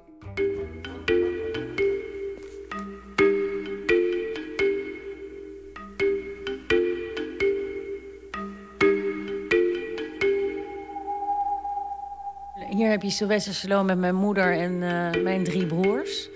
En uh, heel veel negatieve. Zo hier heb je Arnold Schwarzenegger met mijn vader. Samen gezellig op een, uh, op een stoel in een meeting.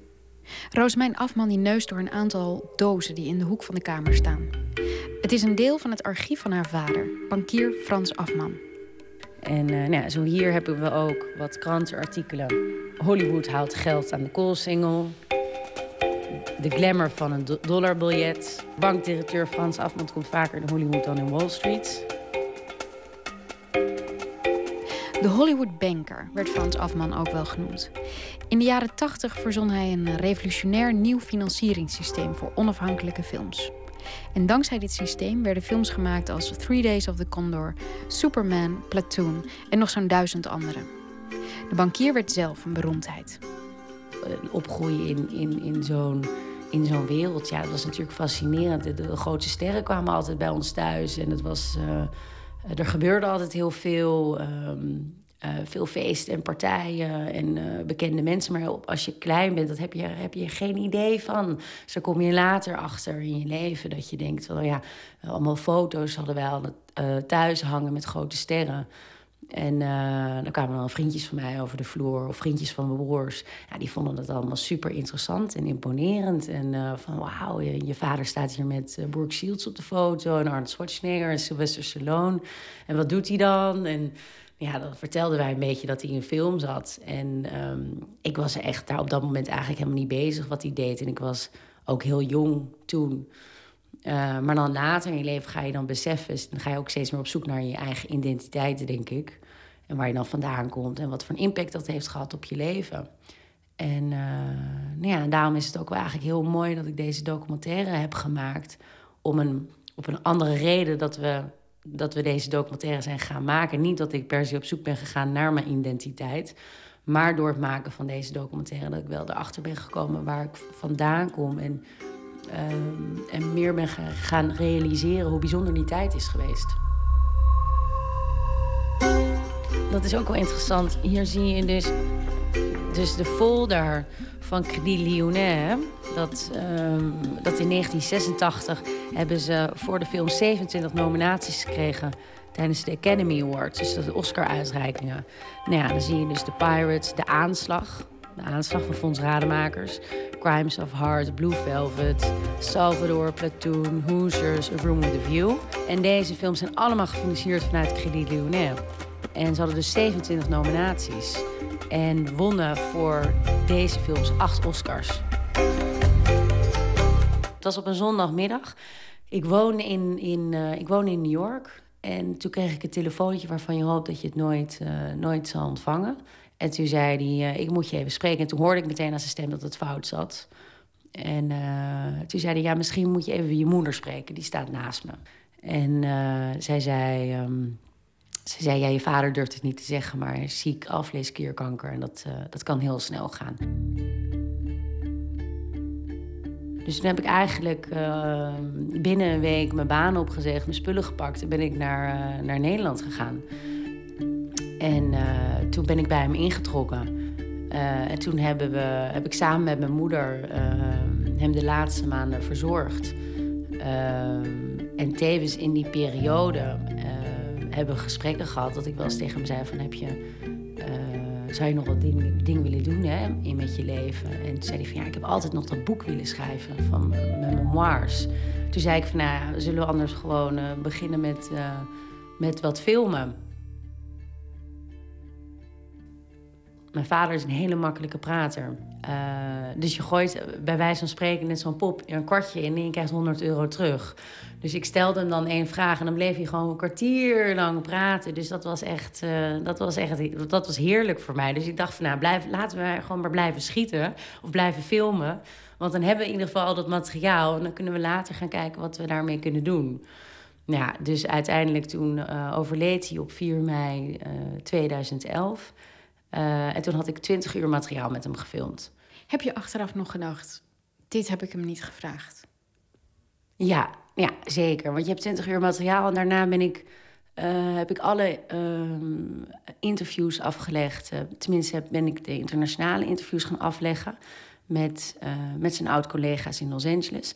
En dan stuit je natuurlijk op onderwerpen waarvan je later denkt van... oh, jammer, dat had ik wel even willen navragen bij, bij papa ik had gewoon met hem willen kletsen, zeg maar. Zo van, oh ja, uh, ik heb meer van... Ik heb net een interview gedaan met Kevin Costner. Hoe ging dat ook alweer? En uh, hij vertelde over Dance with Wolves. En, maar hoe ging dat dan? En vertelde eens wat meer over.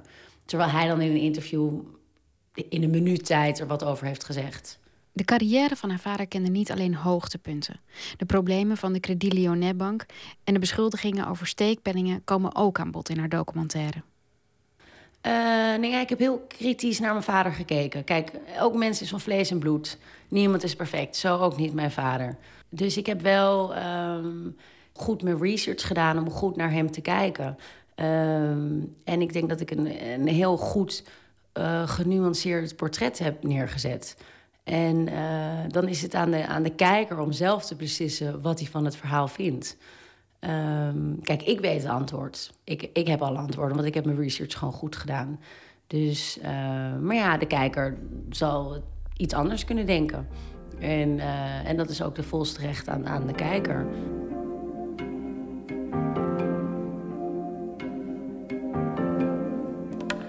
Foto's, foto's, foto's.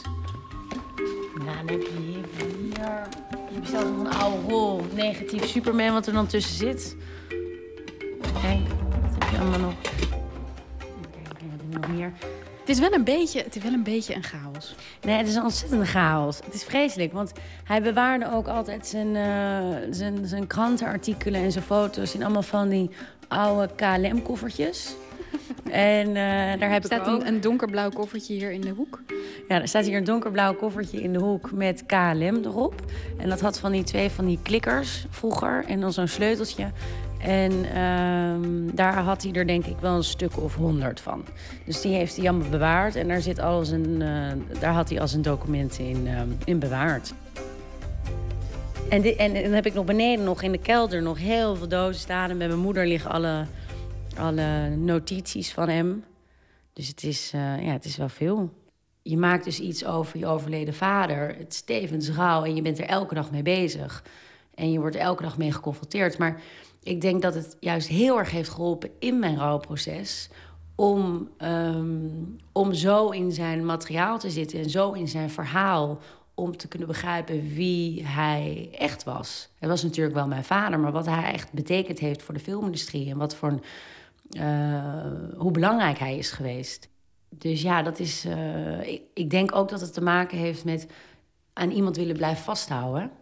Dus door middel van die interviews en het beeld dat ik had... en, en zijn geschreven teksten en zijn dagboeken, bij wijze van spreken... het waren dan niet eh, zijn letterlijke dagboeken... maar hij schreef alles op met een pennetje en informatie. En dat, uh, dat, dat bewaarde hij allemaal in mappen.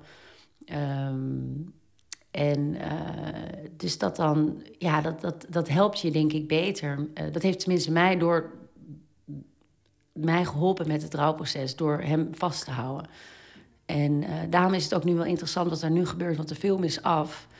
En 1 oktober gaat hij in première. En dan is het heel interessant wat daarna voor mij gaat gebeuren.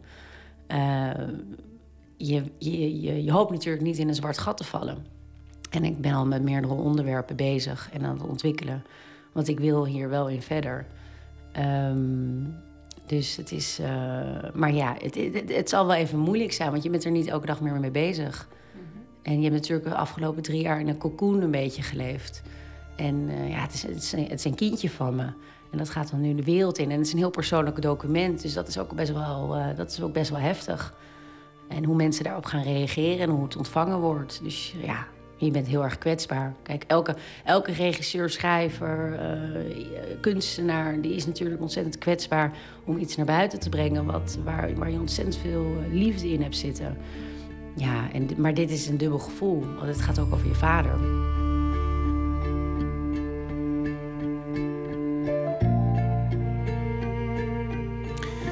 Rosemijn Afman over haar documentaire The Hollywood Banker... die op 1 oktober in première zal gaan en daarna in de bioscoop te zien zal zijn. Tina Diko, een Deense zangeres die tegenwoordig in IJsland woont... heeft een eh, album uit, Whispers. Daarvan hoort u nu het liedje The Woman Downstairs.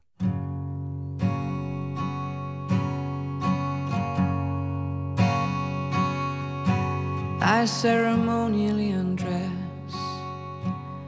For she who in my dreams reveals how she longs and she cares.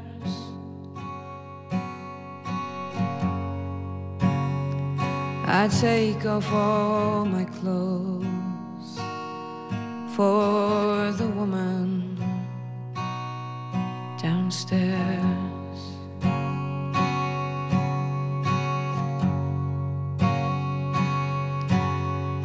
Faded cotton shirt a woolen jacket from a time when he still answered my prayers.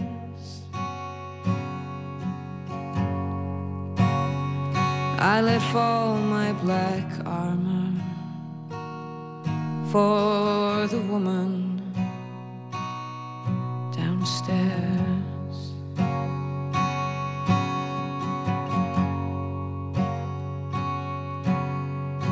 I get into the bath. Let the water trickle through my mind's lonely affairs.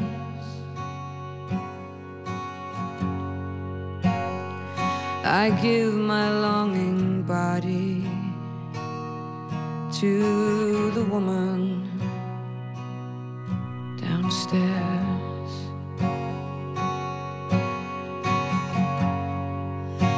Give her my ears and my eyes. I give her my future and my past. They're both full of questions and lies. But I've got a feeling she'll never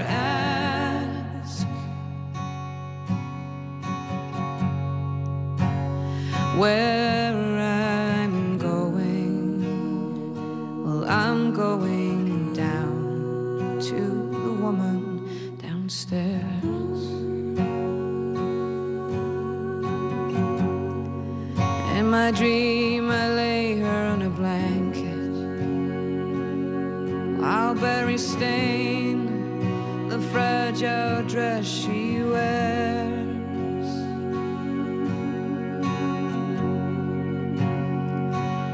can have my soul and keep it.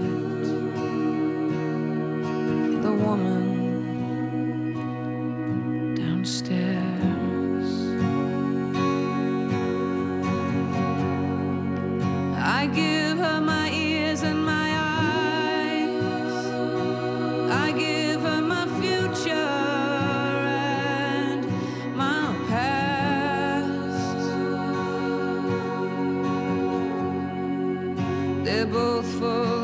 questions and lies.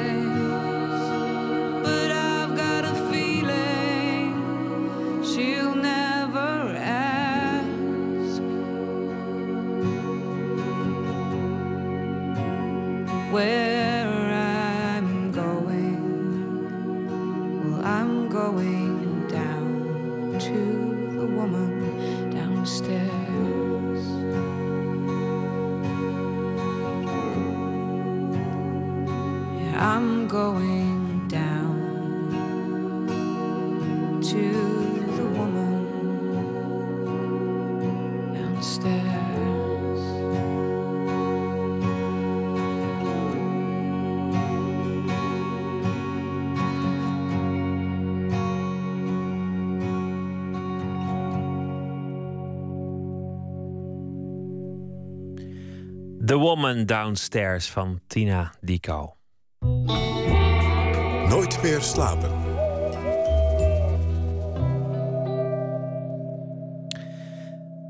Ophef vanochtend in uh, het dagblad Trouw, een opmerkelijk opiniestuk.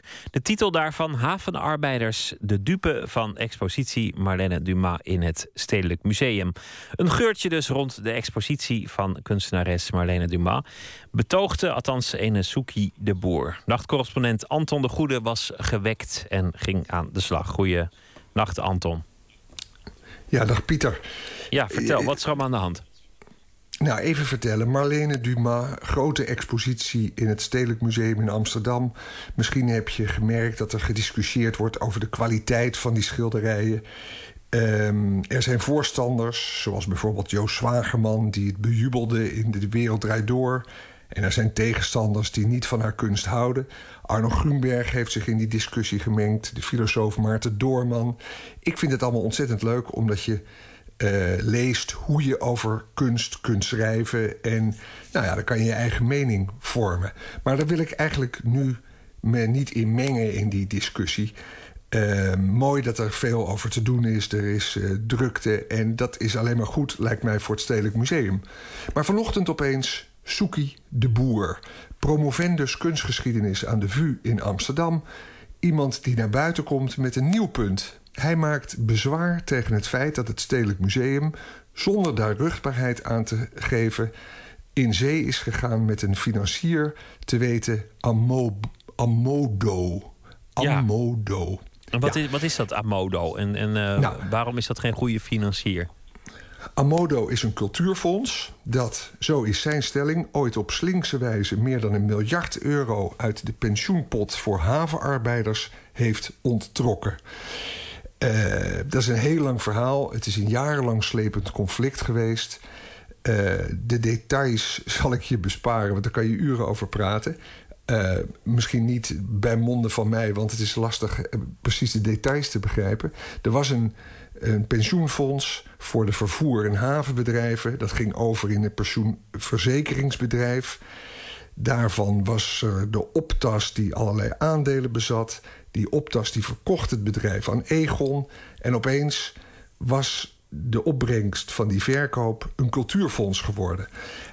Deze uh, Soekie de Boer die schrijft in Trouw dat hij dat eigenlijk een verwerpelijke manier van doen vindt. En hij stelt dat het stedelijk veel openlijker de vraag had moeten stellen of het wel iets met dat cultuurfonds Amabo te maken zou moeten willen hebben. Luister naar hoe. Ja?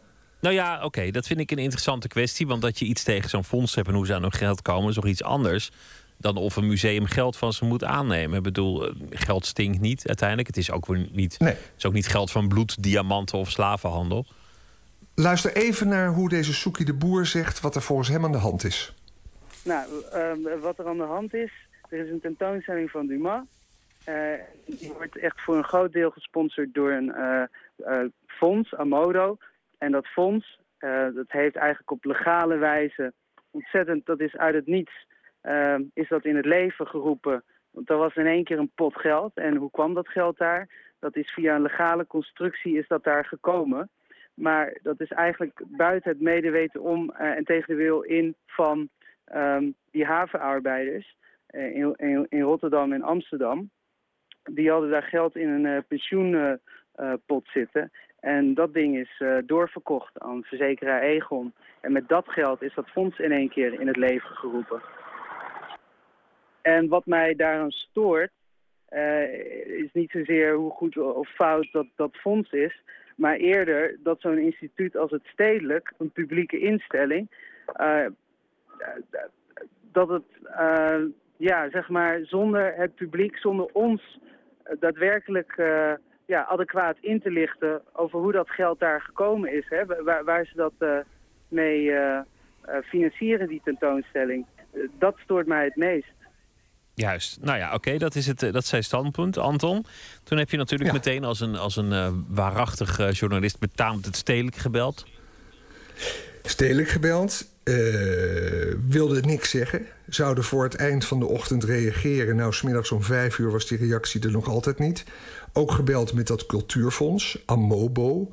dat ongeveer eh, volgens het jaarverslag 4 miljoen euro per jaar te verdelen heeft aan, uh, aan kunst en cultuur. Daar zit communicatie-expert Tom Planken. Ja. Oudere luisteraars, hè, die kennen we wel. vandaag samen met Henk van Hoorn.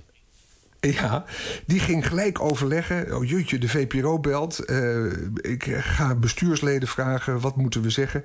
Kwam een uur later naar buiten. Nee, voor de microfoon wilden ze niet reageren. Ze hadden ooit al een persbericht doen uitgaan... dat er eigenlijk niks onwettigs was gebeurd in het verleden. En ze doen er het zwijgen toe. Soekie de Boer kon ik op deze manier uh, natuurlijk niet echt aan een weerwoord helpen. Uh, en de indruk dat het besmet geld is waar de Dumas-expositie in het Stedelijk Museum was gefinancierd, bleef hangen. Wel een beetje, dacht ik, ja, dat kan dan in het verleden uh, gênant gegaan zijn. Als het nu een goede doelorganisatie is met correcte statuten en die prachtige exposities mogelijk maakt, hoe lang moet je je dan nog druk maken om het verleden? Hoor wat hij antwoordde op mijn vraag: hoe lang je je over de geschiedenis moet druk maken. Soekie de Boer. Een mooie discussie. Die, die, die die kun je ook bijvoorbeeld voeren met Deutsche Bank. Hè? Uh, ooit uh, flink fout uh, tijdens de Tweede Wereldoorlog. Um, allemaal dat soort voorbeelden. Trussardi, het modebedrijf, die heel veel met hedendaagse kunst doet in de stedelijke ruimte van Milaan. dat was de grootste fabrikant van de leren handschoenen van de troepen van Mussolini. ja, en er zijn, zo, zo zijn er nog meer van dat soort voorbeelden. En wanneer dat nou precies ophoudt, volgens mij is dat ook niet, eh, echt de, vraag uh, uh, wanneer het op moet houden. Maar je zou eigenlijk eerder die discussie open moeten houden. in plaats van dat je het hebt over ophouden met een discussie. ophouden met, met kijken wanneer iets besmet of niet besmet is. Want volgens mij dat open houden, dat is, dat is echt het belangrijkste. want zoals je nu al zei, het stedelijk heeft nog niet gereageerd. En Amodo die wil niet meer reageren. Hè? Dat is al een goed voorbeeld. Amodo wil niet reageren. Waarom willen ze niet reageren? Willen ze die discussie... Het belangrijkste is om, om, om die discussie open te houden, lijkt mij. Ja, Anton, wat ik wel interessant vind is... hij zegt, uh, het stedelijk had dat moeten communiceren naar het publiek. Zou er werkelijk iemand bestaan die, die zou zeggen, nou ja, oké, ik ben wel benieuwd naar die schilderij... maar ik ga mooi niet kijken, want het is gefinancierd uh, door een fonds... dat ooit geld heeft weggehaald bij, uh, bij havenarbeiders. Dus ik, ik doe daar mooi niet aan mee. Hoe principieel nou, moet je zijn om, om dat te doen? Ik denk dat er wel mensen zouden zijn die zouden zeggen... Uh, misschien moeten we zo'n Marlene Dumas-expositie niet doen als het met dat geld is. Misschien moet het Stedelijk Museum niet even groot willen zijn als het MoMA in New York. En misschien moet het een ander soort kunst brengen. Dat denk ik wel. Toen was het avond en toen kwam er alsnog een officieel statement van het Stedelijk Museum. In een mail, nadat er vanmiddag over vergaderd was... met de excuses dat het even geduurd had... zeiden ze uh, in het kort... wij hebben kennis genomen van publicatie in Trouw... en ten aanzien van het ontstaan van het Amodo-fonds. Zij zeggen in het verleden gerezen geschil is opgelost... Het is een beetje oude koek. Er is een schikking, heeft er plaatsgevonden. Wij zien dit dan ook als een achterhaalde discussie. Wij zijn blij met de steun die wij ontvangen van het Amobo-fonds. Uh, natuurlijk besprak ik die reactie met Soekie de Boer. En die mailde mij weer. Ze snappen het niet. Ik wil dat er debat over ontstaat. Discussie. Als je als museum zegt: we hebben niks meer te melden, want het is legaal gegaan en dat was het. Dan heb je niet naar mij geluisterd, zegt hij. Want ik wil juist dat debat. Luister nog even. Ik vroeg aan Soekie de Boer wat hij vond dat er nu moet gebeuren. Het stedelijk organiseert naar mijn weten altijd veel debatten en lezingen en iets meer zei. Uh, wat het stedelijk zou kunnen doen, um, is een debat organiseren hierover. Het is zeer urgent in het licht van die terugtredende overheid op dit moment op, op cultuurvlak. Je had vorig jaar, stelde de overheid in die campagne cultuur, daar geef je om. En die campagne was erop bedoeld om um, de particuliere steun van donateurs, vermogensfondsen, um, bedrijven, om die extra te gaan stimuleren, zodat de overheid natuurlijk uh, ja, zich terug kan trekken en dat die bedrijven en vermogensfondsen uh, in dat gat springen. Um, in het licht van die, van die campagne, in het licht van die terugtredende Nederlandse overheid op cultuurgebied, uh, is zo'n discussie over particuliere steungelden zeer urgent. Al dus uh, Soekie de Boer. Ja, Anton de Goede zou ook gewoon kunnen zeggen... misschien niet het meest uh, correcte standpunt... maar uh, in het dagelijks leven een heel courant standpunt. Geld stinkt niet. ja. Oké. Okay. Uh, ik heb dat inderdaad nooit geroken, maar geld corrumpeert misschien wel. En waar inderdaad het stedelijk altijd open is en graag discussie wil... en ze hier toch een beetje benauwd reageren, is mijn indruk... ja, roept dat toch misschien vraagtekens op. Anton de Goede, dankjewel en een hele goede nacht. 1971, The Godfather of Soul. Die uh, maakte nou ja, zijn funkmuziek. Maar misschien was het ook wel de basis voor wat later rap zou gaan worden. En hij uh, maakte met King Heroin een liedje tegen de drugs. En dat uh, deed hij samen met zijn arrangeur David Matthews, manager Charles Bobbitt en ene Manny Rosen. En de laatste schreef het als gedicht nadat zijn dochter was overleden aan een overdosis. King Heroin, hier is James Brown. Ladies and gentlemen, fellow Americans, lady Americans, this is James Brown. I want to talk to you about one of our most deadly killers in the country today. I had a dream the other night and I was sitting in my living room, just dozed off to sleep, so I started dreaming. I dreamed I walked in a place and saw a real strange, weird object standing up talking to the people, and I found out it was heroin, that deadly drug that go in your vein. He said, I came to this country without a passport. Ever since then, I've been hunted and sought. My little white grains are nothing but waste, soft and deadly and bitter to taste. But I'm a world of power, and all know it's true. Use me once, and you'll know it too. I can make a mere schoolboy forget his books. I can make a world famous beauty neglect her looks. I can make a good man forsake his wife, send a greedy man to prison for the rest of his life. I can make a man forsake his country and flag. Make a girl sell her body for a five dollar bag. Some think my adventure's are joy and a thriller, but I'll put a gun in your hand and make you a killer. In cellophane bags, I found my way to heads of state, to children at play.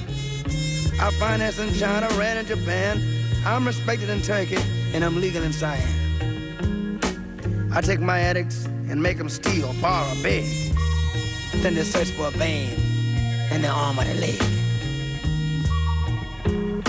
So be you Italian, Jewish, black, or mixed. I can make the most virile of men forget their sex. So now, so now, my man, you must, you know, do your best to keep up your habit until your arrest. Now the police have taken you from under my wing. Do you think they dare defy me, I who am king? Now, you must lie in that county jail where I can't get to you by visit or mail. So squirm with discomfort, wiggle and cough. Six days of madness, yeah, and you might throw me off. Curse me a name, defy me in speech, but you'd pick me up right now if I were in your reach. All through your sentence, you become resolved to your fate. Fear not, young man or woman, I'll be waiting at the gate. And don't be afraid, don't run, I'll not chase. Sure, my name is be back for a taste. Behold, you're hooked. Your foot is in the stirrup, and make haste, mount the steed, and ride him well. For the white horse of heroin will ride you to hell. To hell. Will ride you to hell until you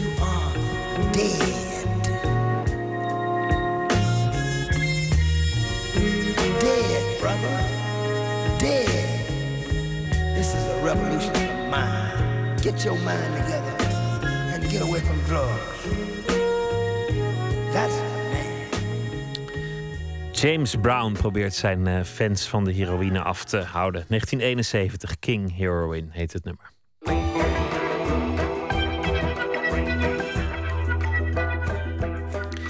De Amerikaanse kunstenaar Mark Rothko, in 1903 geboren in wat nu Letland heet, werd wereldberoemd met zijn grote gekleurde vlakken met onduidelijke buitengrenzen. Want het zijn niet zomaar grote vlakken verf, het zijn vlakken waarin je als kijker helemaal kunt verdwijnen. In Nederland hangen er maar twee doeken van hem permanent: één in het Stedelijk Museum in Amsterdam en één in Boymans van Beuningen. Maar komend halfjaar is het Haagse Gemeentemuseum dé plek voor iedereen die een Rothko wil leren kennen of beleven. Want vanaf zaterdag is daar een grote Rothko-expositie met overgevlogen werken uit de National Gallery van Washington. Heel prestigieus allemaal. Directeur van het gemeentemuseum Benno Tempel loopt vast door de Rothko-zalen met onze verslaggever Martin Minkema.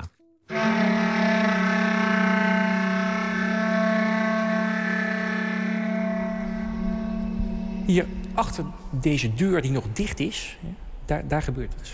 Ja, die deur eh, die, die, die blijft nog een paar dagen gesloten. En dan zaterdag gaat die open voor het publiek. En dan is hier in Den Haag in het gemeentemuseum de Mark Rothko tentoonstelling eh, te zien voor het publiek. Mark Rothko, dat is toch die kunstenaar met die, met die enorme grote kleurvlakken? Barnett Newman-achtige grote vlakken? Nou ja, wel een tijdgenoot inderdaad van Barnett Newman. Ook net zoals Barnett Newman gericht op inderdaad die, die grote abstracte kleurvlakken. Uh, ze zijn, vind ik zelf, wel heel anders qua intentie dus waar uh, Barnett Newman je eigenlijk nou ja, een beetje overdondert in de zin van dat hij uh, dat intimiderend. Zo'n muur. Ja, zo'n muur. Ja. En, en Rothko is, is geen muur, maar dat is een opening eigenlijk. Dus dan sta je voor een schilderij. En dan, die kleuren zijn heel gelaagd. Dus waar, waar, waar het, het, het werk van Barnett Newman rood, misschien wel in verschillende lagen, maar heel rood op je afkomt. Zie je het rood bij rotcode, zie je altijd geel onderdoor schemeren. Of, of oranje of groen misschien zelfs. Waardoor er altijd een opening zit in die verf. Je kan altijd die, die verflaag in. Dat klinkt heel abstract misschien. Maar uh, het, je hebt het gevoel dat je ergens in kan. Mag die deur al, al even door? We het maar doen?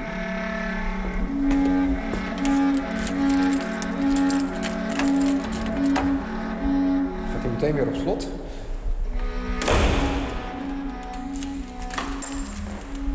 Eerste wat we zien is een, eh, een portret ten voeten uit, een fotografie van Rothko. Ja, en ook uh, voor een van zijn schilderijen. Dat, uh, dan, zie je eigenlijk ook meteen wat hij wilde. Hij wilde dat je uh, voor die schilderijen stond. En die schilderijen zijn, zijn vaak menshoog. en dat je dus nou ja, als bezoeker, als toeschouwer, echt een relatie aanging met dat schilderij. Dus dat, je, dat er iets ontstond tussen de architectuur, de toeschouwer en het kunstwerk. Moeilijk, moeilijke man, begrijp ik. Nou, moeilijk... Ja, wat, wat, is moeilijk? Wat is moeilijk eigenlijk? Hè? Ik denk uh, moeilijk voor zichzelf. Hij kijkt een beetje sceptisch, hè? Een, beetje, een beetje afwachtende houding. En dat kenmerkte man denk ik ook wel. Het was iemand die uh, ongelooflijk kritisch was, ook naar anderen. Dus hij, hij leed ook aan depressies op een gegeven moment. Hij kon ook heel erg boos worden. Hij kon heel boos worden. Over, waarover vooral? Nou, vooral ook als je met zijn kunst verkeerd omging. Of als je de intentie die hij in zijn kunst legde verkeerd interpreteerde. Hij kon ook boos worden over de nieuwe kunststromingen die opkomen. Hè? Dus pop art. Dat vond hij afschuwelijk. Dat je dus gewoon een soepblik uh, tot kunst verheft. Of een, of, of een zeepkist tot kunst verheft. Nee, bij hem ging het om de hoge kunst. Kunst moest je opheffen. Kunst moest je verheffen. Kunst was spirituele belevenis. En dan moet er niet zoiets plats als pop art tegenover komen te staan.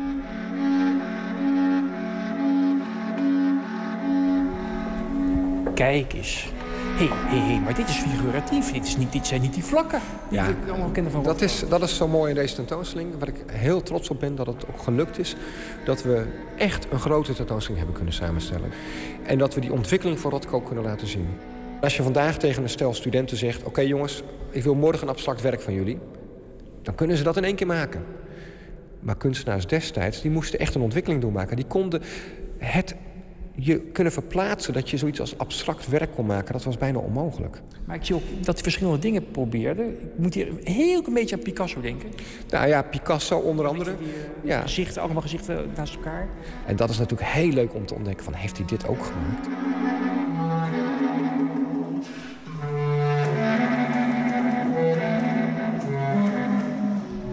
Oh, kijk, ja, je hebt die vlakken. Wel, welke zoeken we? Ik zie met die, paars en zwart en onder, onder een soort wollige bruin, bruin-rode streep. Ja, het is, ik, ik, ik hou zelf heel erg van de herfst. En dan met name van de kleuren van de herfst. En dat is iets wat je bij Rothko ook wel heel erg hebt. Hij noemt het dus bijvoorbeeld ook niet bruin, maar maroon. Dat wat kastanjebruin zou je het kunnen vertalen. In de onderen zien hier allemaal die Ja, je onder. Het zijn wel eh, om, om horizontale vlakken zijn. Ja, en het, het, het is ook... Eigenlijk is het, eh, gaat het niet om de kleur. Hè. Wij, wij geven het nu elke kleur een naam. Eh, maar dat hoeft helemaal niet. En dat wilde hij eigenlijk ook niet. Want als je wat langer blijft kijken... Ik zie nu al geen zwart ja, meer. Nee, inderdaad. Die, dat zwart wat ik... Zei ik zwart zo net? Ja, je zei net zwart. Ik zei, ook, ja, ik zei het zelf. Nou, als ik kijk nu be- beter. En ik zie dat het eigenlijk... Is het allemaal lichtheid in dat zwart? Ja, Lichtheid. er komt groen doorheen, er komt geel doorheen. eh, Het is alsof je in het donker... dat je ogen moeten wennen. En dan, Ja, dat is een ontzettend goede beschrijving. Je ogen moeten wennen aan de schilderijen van Rothko. Je moet, als je ervoor staat, en dat is ook hetgene waardoor het je ineens te pakken krijgt... dan ineens ben je in dat schilderij. ja, dat is het. God, dat is ook een openbaring voor mij. Nou, mooi. Mooi, op de radio. Nee, nee, nee, nee, inderdaad, want ik heb namelijk... Ik namelijk oh, er zijn allemaal mensen komen er opeens... Hier wordt gefilmd voor tv. Komt het over op tv, de, de, de diepte? Nou, dat is, dat is, dat, dat kan ik me bijna niet helemaal Zal ik voorstellen. het aan de camera Ja. vragen? Zal ik aan de camera, mag, mag ik even iets vragen? Mag ik iets vragen voor de VPRO Radio? U bent van... Eh, Wij, zijn van, eh, wij maken een documentaire over Mark Rothko. Kunt u met een camera, kun je daarmee de diepte van die schilderijen vangen? Eh, als je beweegt wel een beetje. Maar met deze camera minder goed dan met een hele grote camera. Dus... Maar je kan, wel de, je kan er wel wat uitvangen. Maar je moet bewegen om de reflecties te zien veranderen. En dan kan het ook op een, op een beeldscherm van een huis- en keukentelevisie kan het overkomen. Dat weet ik niet zeker. Dat weet ik niet Ga- zeker. Ik denk proberen. namelijk dat de maat ook een ervaring ding is. Ik wens u veel succes met het filmen hiermee. Dat het allemaal mag lukken. We zien hier een groot doek. Het zijn allemaal grote doeken natuurlijk. Maar een groot doek. Die grote doet ook wat, hè? Het mooie is niet alleen groot, maar ook eh, je herinnert die grootte niet. Dus dat vind ik ook heel bijzonder aan Rothko. Dat hebben sommige kunstenaars, hebben dat, vaak hele goede kunstenaars. Dat je het schilderij wel gezien hebt, misschien al tien keer... maar dat je niet meer exact herinnert hoe groot dat doek nu was. En Rothko heeft dat effect ook. Elke keer ben ik toch weer verbaasd van... oh ja, het is toch groter dan ik dacht. En dit doek, dat is zwart met grijzen daaronder. Maar als ik beter kijk straks, mijn ogen zijn gewend... dan verschijnt er natuurlijk weer van alles. Als we er nu naartoe lopen, dan zie je in dat zwart ineens... dat die zwarte vlakken zweven in een soort diep paars. Afstand is nu vijf meter. Even nog even dichterbij. En als je nog dichterbij komt, dan voel je... nog- dan zie je er ook kruid Ja, ja, ja, in ja. verschijnen. Je ziet er een lijn in verschijnen. Ja, ja, ja, een blok. Een blok. Ja, maar geen, geen hermetisch blok. Nee. Nee, deze niet. Nee, dit ademt aan alle kanten. En als we naar die kijken... Och ja, paars met ook heel mooi, heel subtiel zo'n klein vlekje oranje eronder. Je ziet ook de schilderijen hangen tamelijk laag. Ja. Eh, je moet er relatief dichtbij komen, daarom ongeveer een meter afstand. Ehm, er zit, geen, zit bijna geen glas voor. En we gaan hier het licht ook temperen. Hij zei ook van het mooiste is als een bijna een soort, soort naar twilight, een soort duisternis is te groot woord, maar een schemering is meer het goede woord. Als er enigszins, een, enigszins schemerig is, als het niet in het volle, volle licht staat. En wel een meter afstand houden, anders val je er misschien in. Anders verdwijn je erin, anders kom je misschien nooit meer terug. er Ja. Bezoekers zeggen ook vaak van ja, ik word echt zwaar geëmotioneerd van die doeken. Ik word er echt door geraakt. Eh, ik, word daar, eh, ik voel me daardoor gesterkt zelfs. Hè. Dus mensen ervaren dat op een hele, hele directe manier. En dat is natuurlijk maar heel weinig kunstenaars gegeven dat ze zo direct kunnen communiceren. Hij heeft geen uitleg nodig. Je hebt hier geen dikke theorieboeken nodig van wat bedoelt hij nou, geen filosofie. Je staat voor de schilderij, je blijft even staan, je laat je ogen wennen aan de kleuren en bam, hij raakt je.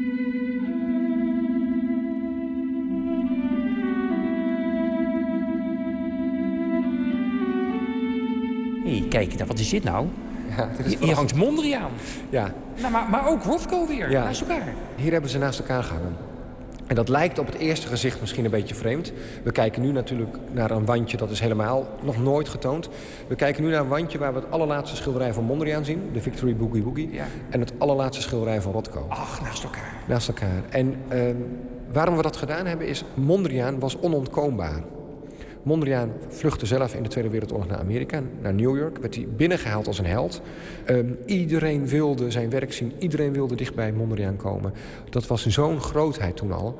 En toen Rothko begon met die abstracte werken, die veelvormigheid bijvoorbeeld... toen werden zijn schilderijen ook blurry Mondriaans. Dus vervaagde Mondriaans genoemd. Vond hij verschrikkelijk. Dat is geen compliment, hè? Voor hem, voor hem was het geen compliment, want je wordt vergeleken met een ander... en niet, niet op je eigen werk gewaardeerd. En Mondriaan heeft op een bepaalde manier, en zeker dit schilderij, de Victory... dat kan je zien als het laatste schilderij. Je kan ook het zien als het schilderij dat Amerika de moderne kunst gaf dan wordt er iets geopend bij die Amerikaanse kunstenaars. Die gaan beseffen van, hé, hey, wij kunnen ook een andere weg inslaan. Wij hoeven dus niet altijd meer naar Europa te kijken. Wij kunnen het ook zelf doen. En dan ontstaat die hele beweging uit Pollock, Barnett Newman, Rothko... die allemaal abstract gaan werken. En allemaal op een bepaalde manier zich verhouden tot Mondriaan. Zeg, dat laatste doek van Rothko, ik neem aan 1970 ongeveer? Ja, of, ja, ja, is 1970, ja. Net voor zijn zelfmoord? Ja. Knalrood ontvlammend rood bijna. Hè? Alsof het zichzelf verbrandt. En um, wat heel bijzonder is, hij was behoorlijk depressief aan het eind van zijn leven. Daar heeft hij vooral heel veel donkere doeken gemaakt in die laatste periode. Dat kennen mensen ook van hem. Die die zeggen van ja, de laatste periode waren het die donkere doeken. Die hebben we hier ook een aantal. Ja, dat doet hiernaast, wat hiernaast hangt, ook, eh, ook van de laatste jaren neem ik aan. Het lijkt wel een soort, uh, het lijkt wel een soort uh, iperen naar een... Uh, ja. Hè? ja. Nou, de strijd, helemaal niks meer, gewoon grond nee, tot, het, boven zwarte lucht. Het zwarte niets, het zwarte gat, het, zwarte, nou, het verdwijnen in, in, in de donkerte van de nacht. Of hoe je het ook, je kan het heel zwaar maken. En dat allerlaatste schilderij is dan een rood opvlammend doek...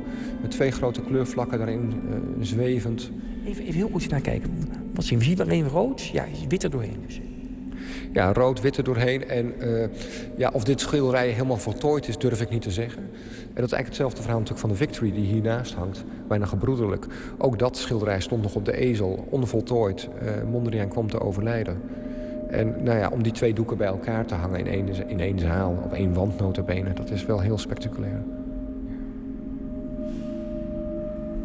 Wat zou het grootste compliment zijn voor Rothko?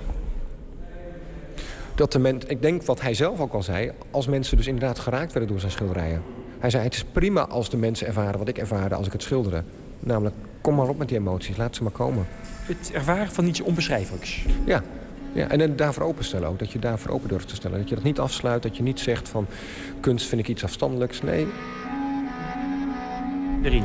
Erin.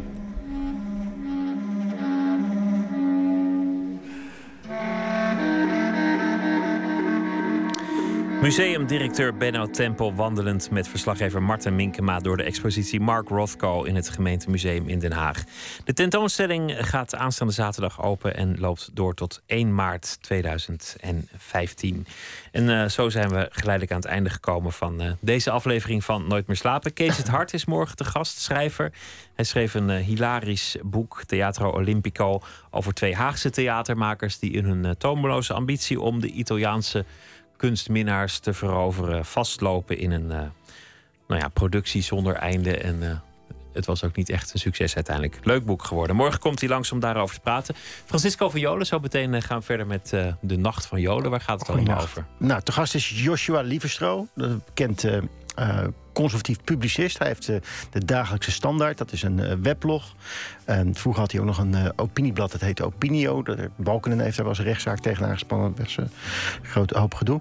En die lanceert morgen zijn nieuwe betaalsite. En dat wordt een nieuw conservatief platform waar echt heel, heel conservatief Nederland uh, op publiceert. Een beetje van Frits Bolkestein tot Nausicaa Marbé, nou, noem ze maar op. Thierry Baudet. Alle celebrities uit die hoek zitten daarbij. Dus ik ben benieuwd. Daar gaat het uh, zo meteen over. En we gaan het natuurlijk ook waarschijnlijk wel hebben over de algemene beschouwingen. Want, ja, uh, en over het Schotse referendum natuurlijk. Oh ja, dat morgen. Uh, gaat of, ook beginnen. Of we er een land bij krijgen in Europa, ja of nee. En of dat een goed idee is. Ik wens jullie heel veel plezier en ik wens de luisteraars een goede nacht en morgen een hele goede dag. En graag weer tot dan via Twitter, het VPRO NMS of via de mail nooitbeerslapen.vpro.nl. Ik wens u een hele goede nacht en graag weer tot morgen.